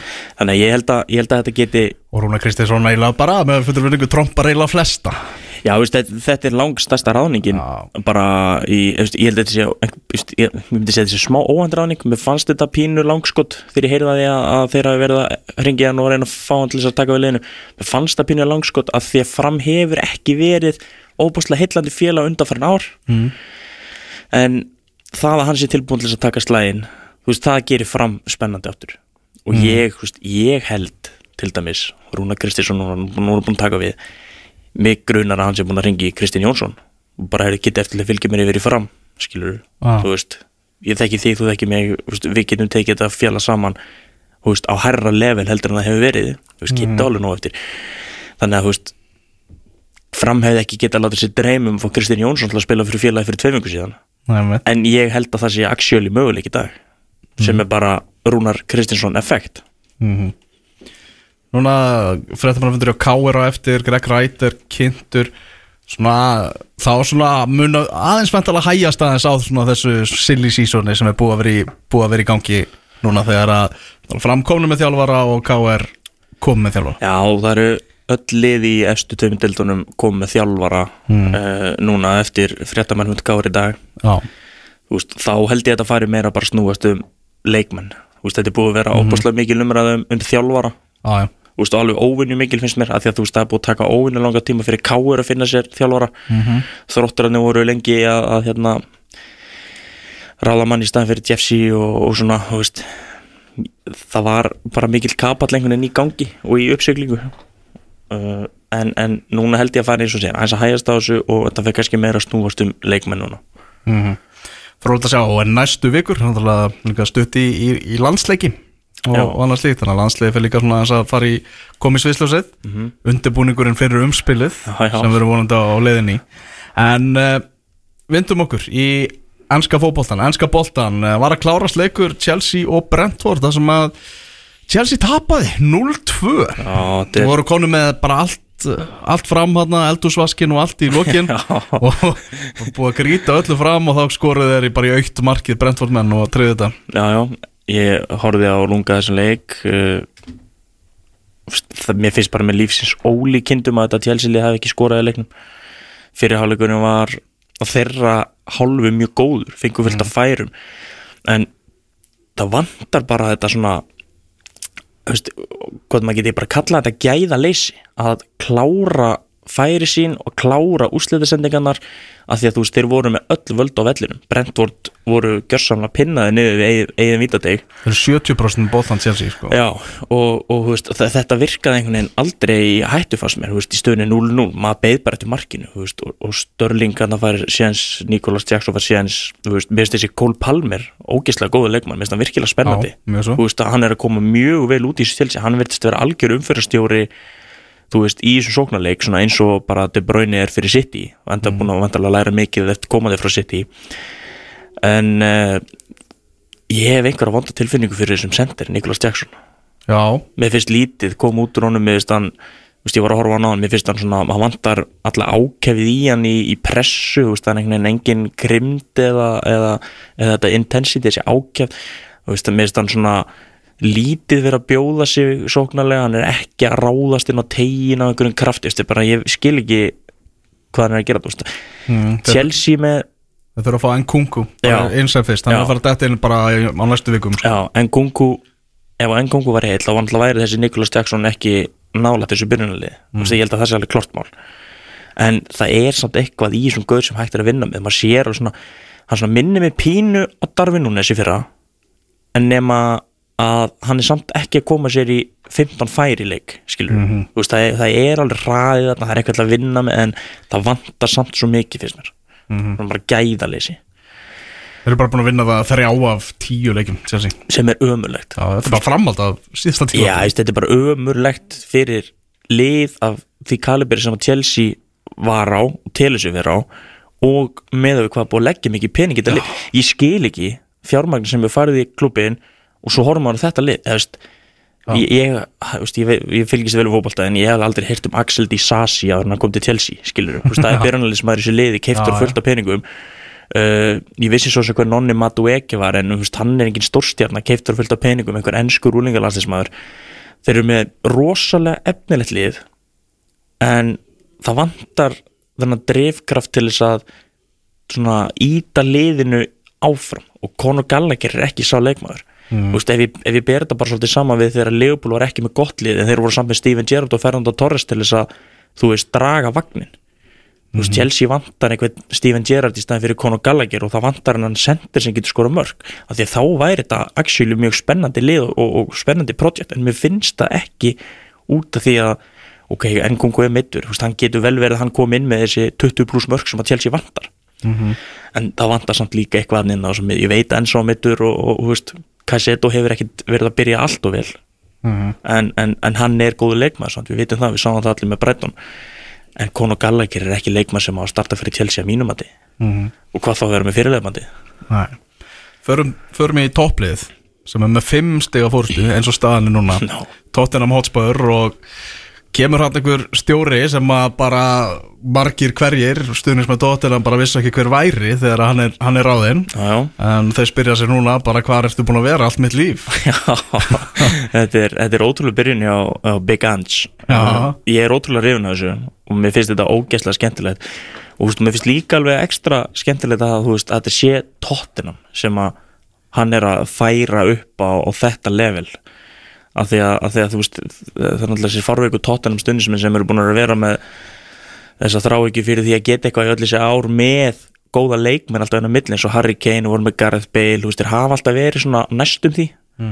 En svo er búin að losa núna Harry Kane og þá verðist þetta að vera að smetla með einmitt, þú veist, frábæran leikmann að kaupum í Mattisson Já, já. þú veist, það er búin að gera bara svona nýju. Uh, Bissúma og, og Pap Sarr eru bara störtlaðar á miðunni uh, þú veist, það er keiftir hérna varnamenn, þess að Mikki Vandir Venn búin að koma ótrúlega vel, veist, einhver vikario í markinu sem ég hafði til dæmis ekki heldur heyrt um eins og með, með, hérna, eins og með Axel Disasi, þú veist, hann er að koma vel út.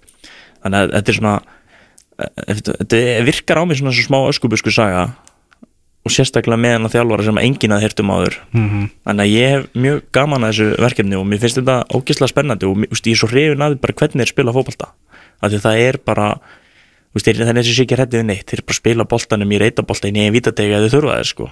Svo bara sprengja þeir upp öllin og eru konir í skyndisókn og döðafæri En hvað segir við stuðnins með Tottenham? Eða það er bara að njóta meðan, meðan á stendur? Já, veist, ég, já, ég, ég held að hérna, veist, ég held að þeir séu ekki að fara að vinna deildina. Okay. veist, ég held, ég, ég, ég vona að þeir náu topp fjórum, ég er full að trú að þeir gerir það en, en ég sé samt ekki tóttur, tóttina með oft byrjað vel eða, eða verið í einhverju góðri stöðu á einhverju vext tímapunkti svo bara, það er alltaf að tala um þetta í janúar, februar, eitthvað eftir áramót dæmi þar sem að þeir þar sem að þeir hérna hvað kallast það floppa. Bara og sa, sama og með Arsenal, það er alltaf verið þetta sama, sama hérna, tala, talað um með það. Uh, þú veist, ég held að tóttirnum til dæmis má ekki við neinu hvað var það leikmannahópi sem ég held að ein, tvö meðsli geti sett allt í klassu þarna. En, en ég held að hjá mig og Hörður Ákusson og félagar ættu að njóta á meðan að þeir geta. Og Gísli Einarsson er vantilega búin að breyta hérna, skiltinu sín í borgarnesi í Íslandsmest, nei, Englandsmestrar 2024 Já, það hann sem átt að skilti Það er Gísli Einarsson sem átt að skilti Já, ég var oft því, hver Já. er með þetta skilti? Já, ég spurði hjá minn daginn hvort að hann stæði á baki og hann sagði mig að það væri Gísli Einarsson Já, því að núna væntalega þeir að halda núna að það sé raunverulega fara að gera þetta, skilti búið að vera í gangi í tíu ár held ég sko. já, mitt Það keirir, keirir gegnum borgarnesið, Já. Þannig að Arsenal er að fara að hefja leik núna klukkan 2 á móti Sheffield United og það er Ræja áfram í, í markinu, hann er búin að fá já, bara ge gerir ein meðstök og þá fer bara ennska pressan á fullt meðal annars vegna þess að það er jú englendingur sem er að berjast við hann um stöðuna, Aron Ramsdale Já, já. þetta er svona helsta svona umræðu punkturinn sem ennska pressan er bara, bara gjössalega búin að tæta í sig. Mhm. uh, þú veist, það er oft talað um að það sé ekki jákvætt að vera með ekki að vera ekki með einn fastan aðalmarkmann. En, en þeir eru með fastan aðalmarkmann það er Ræja Já, veist, ég, það er nefnilega það sem að komið smá óvart að ég held að Arteta myndi svona pínu svona ísitt inn eða sérst fara miklu hægar í þetta með því til dæmis að gefa Ramstil þá mistaradildina eða byggarleiki en hann er ekki að því. Veist, þannig að það er alveg klart mál að David Ræja er markmaður nummer eitt hjá Arsenal. Mm. ég persónlega sem knastbyrnahómaður er, er sammála því veist, ég, Ég mér, líka. finnst, mér finnst hann betri markmaður og hann fyttar líka betur inn í þessa fótboltastefnu Mikael Arteta að hafa markmann sem getur spila át á markinu. Og auðvitað koma mistök. Veist, við, just, ég sem púlar, ég er búin að sjá þetta trillinsinu þegar allir svona alltaf sóla Jimmy Vardy og, og fekk á sig mark skilur eða, eða hérna, eitthvað pressumarka sem svona alltaf að senda til hliðar og var alltaf lengi að því og sendir komst inn í og skora, ég man ekki á móti hvað lifa þetta gerist alveg hjá öllum þessum markmönnum en það er enginn að fara að segja með það að allir svona sé ekki besti markmann í heimi. Mhm.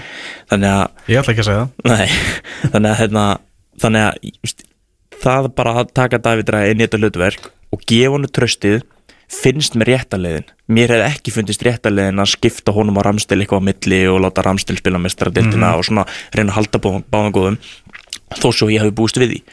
Mér finnst réttalegin að setja bara David Ræði markið af því mér finnst hann líka betri markmaður og hann passar betur inn í þessa knaspindu stefnu mikilvægt þetta sem er knaspindu stjóri Arsenal En þetta, þú veist, þetta bara gjam, þú veist, þetta, þetta trublar potið, þú veist, þú veist, ennska pressan er búin að taka þetta svo mikið, Ramstil var bara einhverju viðtalum daginn, þar sem hann var að segja það að væri bara þjáður og kvalinn yfir því að vera búin að missa sætið sitt og, og allt það, og líka góð punktur sem að kom með þegar hann var gaggrindur þegar hann klappaði fyrir einhverju markvislu hjá David Ræja, Já. og það er bara ein kamera sem er alltaf hjá Ramstil, sko, já, já. var ekki, ekki hver að var Karraðir sem að, jú, sem að tala um að að klappa eins og svona vera að tapa Óskarsvelurunum það hefði verið þannig Já. Ramstil sagði, þú veist, hvað á ég að gera? Ef ég hefði verið bara full á svipin þá hefði, hefði það líka verið blásið það er ekkert eitthvað eitt rétt sko. Nei, nei, nei, Ramstel, Ramstel er bara í þeirri stöðu að, að hann er mjög fýtt markmaður.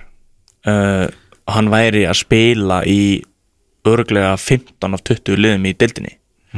En, en hann er bara núna í þeirri stöðu, hann er í einu af þeirri fjórum liðunum í deildinni þar sem að það er keiftur markmaður sem passar betur inn í þessa stefnu knallmjöndstjórans og sem að er líka góður að verja. Þú veist, mér fannst David Ræða geggjaður hjá Brentford, ég var mjög hrifun á hann og ég hefði valið ef ég væri algjörlega hlutleys að velja út frá, út frá minni sessat, samfæringu og, og minni sín þá hefði ég valið David Ræja sem næsta markmann fyrir Master United. Frekar en Andri Onana. Mhm. af því að hann er góður að verja og hann getur spilað og Ten Hag þykist vilja og vera, með rosa góðan ballplaying markmann en, en hann, hann fer þangað og Ramstil verður bara undir í baratunni og það hjálpar heldur afstil ekki að náttúrulega markmannstjálar Arsenal er hann að Inaki Kanja held ég hann heiti sem að vann með David Ræja og Rúnar Alex á Brentford. Mm. og er, eða vann með Rúnar Alex held ég einstæðar í Danmarku Nordsjælland og, og er mjög hrifin af þeim tveim. Og, og hérna og Ræja er þarlandi bara nummer eitt af því að það er ventalega markmannstjálarnir sem að fúst, berst fyrir því að þessi markmann sem er þess að keftur frekar en einhver annar.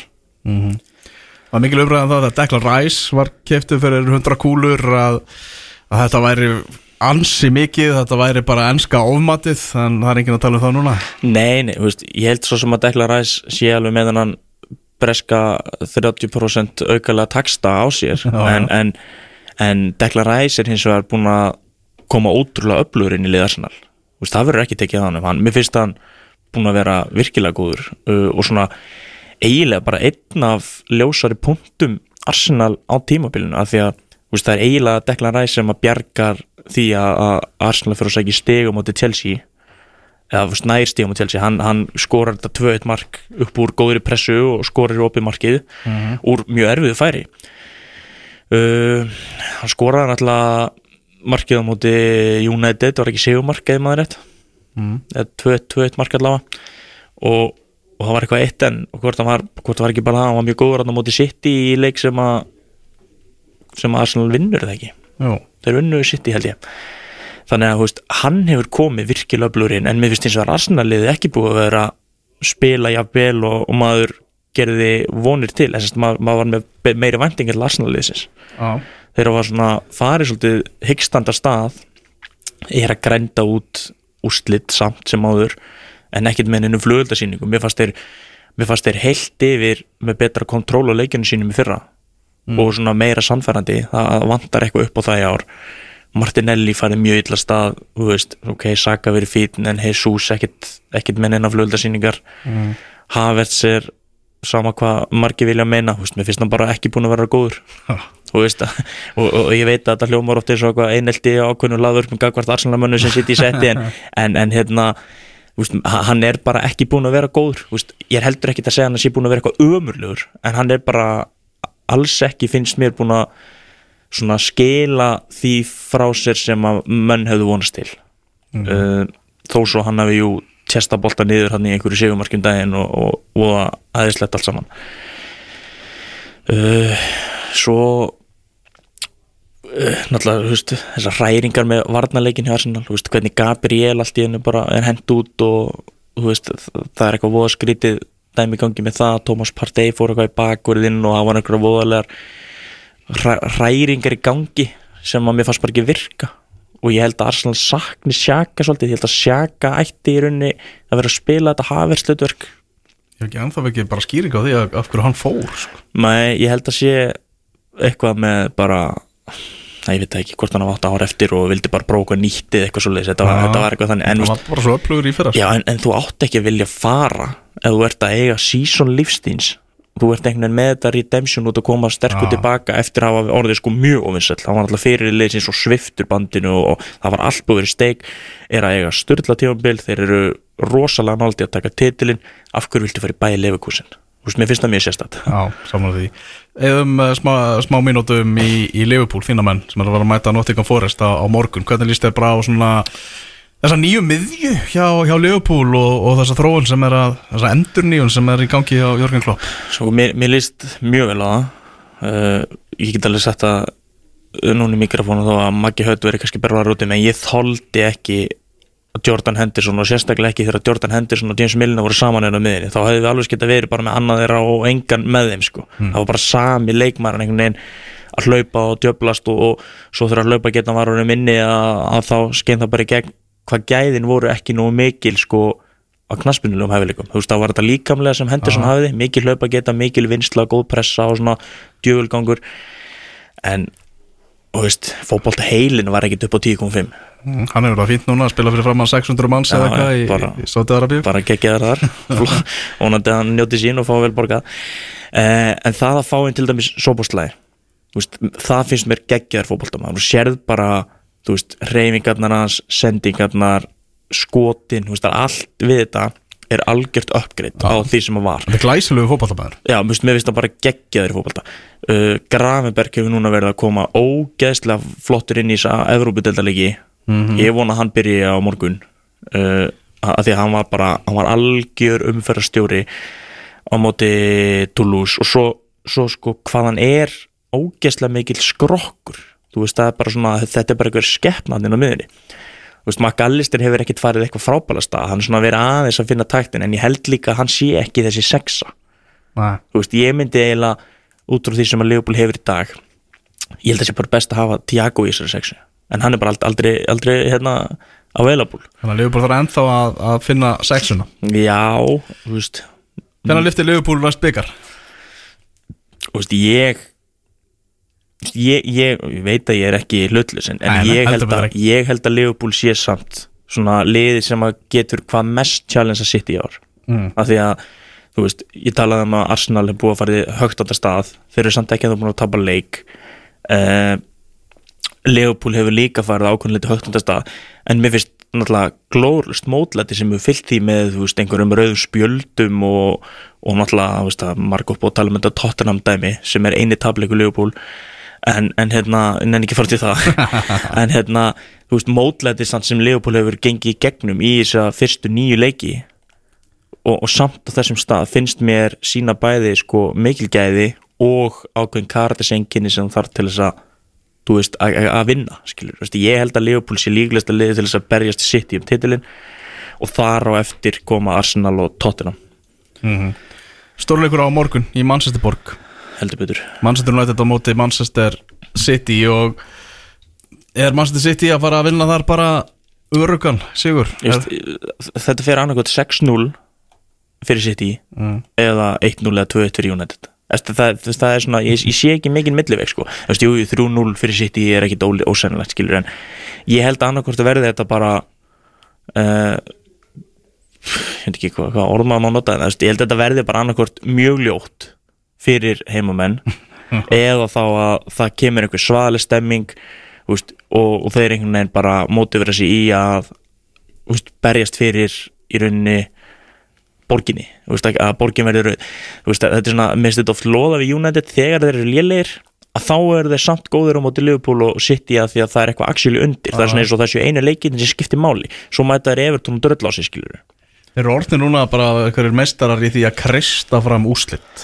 Kristaðu einhvern veginn Já, fram. bara á, ógeslega ógeslegan hátt, veist, með, með umurlegum framistöðum eins og mótið Sheffield United. Ég horfði á fyriralgin þar, ég hugsaði með mér herðu guð minn almáttur hvað þetta United, mér fannst þetta vera liðin sem átti að endi í 19. og 20. sæti í dildinni, veist, gæðin í fótboltaleiknum þar sem að Sheffield voru betri fyr, í fyrirháleiknum Já, Svo vinnaður þar bara, veist, á Já, bara einstaklingsgæðum Já, bara, veist, flott skot hjá Dal og mér finnst samt markmaður með puttan í sig að bara geta varið þetta, veist Þetta er þrýr sigurleikir röð hefur United Þetta er á móti Brentford þar sem að Scott McTominay kemur bara náttúrulega hann óvænt inn og kemur með þessa, þessi mörki í uppbóta tíma þetta er, þessi Sheffield United leikur og svo FC Kaupmannahöfn þar sem er víti varið flautuvíti sko. Já, og FCK voru sko í rauninni betri út á velli. Veist, sem er, veist, það, það, það hljómar fáránlega. Af því að ef þú spólar aðeins tilbaka bara nokkra vikur, breyðablík leit þokkalega vel út á velli á móti FCK á Kópásvelli og breyðablík skoraði tvö eða jafnvel þrjú mörg á parken þú veist, það sem að FCK held ég hefur ekki tapað Európa-leiki í sko háæðrastíð, eða þess að þeir gerðu allavega jættefli öllum í fyrra á móti Dortmund City og ég man ekki hvað þriðalið var. Þú veist, í, í riðlakeppninni. Þannig að, þú veist, FCK tapar ekki á parkin í mestaradeild og, og breyðablík fórnang og skoraði tvö eða þrjú mörk, ég man ekki hvort það var. Þó svo er að tapa held ég 6-3 eða eitthvað. Uh, þetta FCK-lið sem að var bara í hörku leik á móti breyðablík þó svo þeirra við svo unnið leikin í tegunum eins og er nýjasta trendi í dag í setningunum Já. frössunum að það fer á Old Trafford og er bara að spila á móti United mm. skilur, þú veist, þeir eru bara að halda í boltan, þeir eru með, með góð tök á leiknum, þeir eru með herra XG þegar maður er rétt í leiknum er ég að byrja með það? Nei, nei, nei, þú veist, United með 1.69 XG á móti 2.22 í FCK FCK skorar ekki marki í leiknum með rúmlega 2 í XG og þar, þar er náttúrulega vítaspinna sem er 0,7 eitthvað. Þú veist, þetta finnst mér bara magnað dæmi. Já. þú veist, mér finnst þetta magnað. Að hérna, en þú veist, maður veit ekki hvort maður á að stimpla þetta sem eitthvað geðveikt afrika FCK eða bara hvort þetta sé svona ógeðslega lélegt hjá Master United. Vistu, ég hallast eiginlega að setni kostunum að þetta sé bara svona ógeðslega lélegt hjá United. Þróunin á, á leikstílnum mikið í umræðinu og Jamie Carragher var að segja að það væri bara engin framþróun, hann sæði bara engan mun á boltanum sem Erik Den Hag er að spila heldur en United var að spila undir stjórn Solskjær og, og Mourinho. Það er engin, ég var að, ég var að hérna þannig að ma maður finnur yfirleitt ímislegt áhugavert á Twitter eða X-inu. Mm.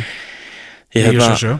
já, 977 ég, hérna, ég var að horfa um daginn á klippu af Onana og öllum hans sendingum í leikamóti Crystal Palace ef maður er rétt, öruglega tapleiknum í dildinni spilum við á tvisarana á, á einhverjum fjónundum Mm.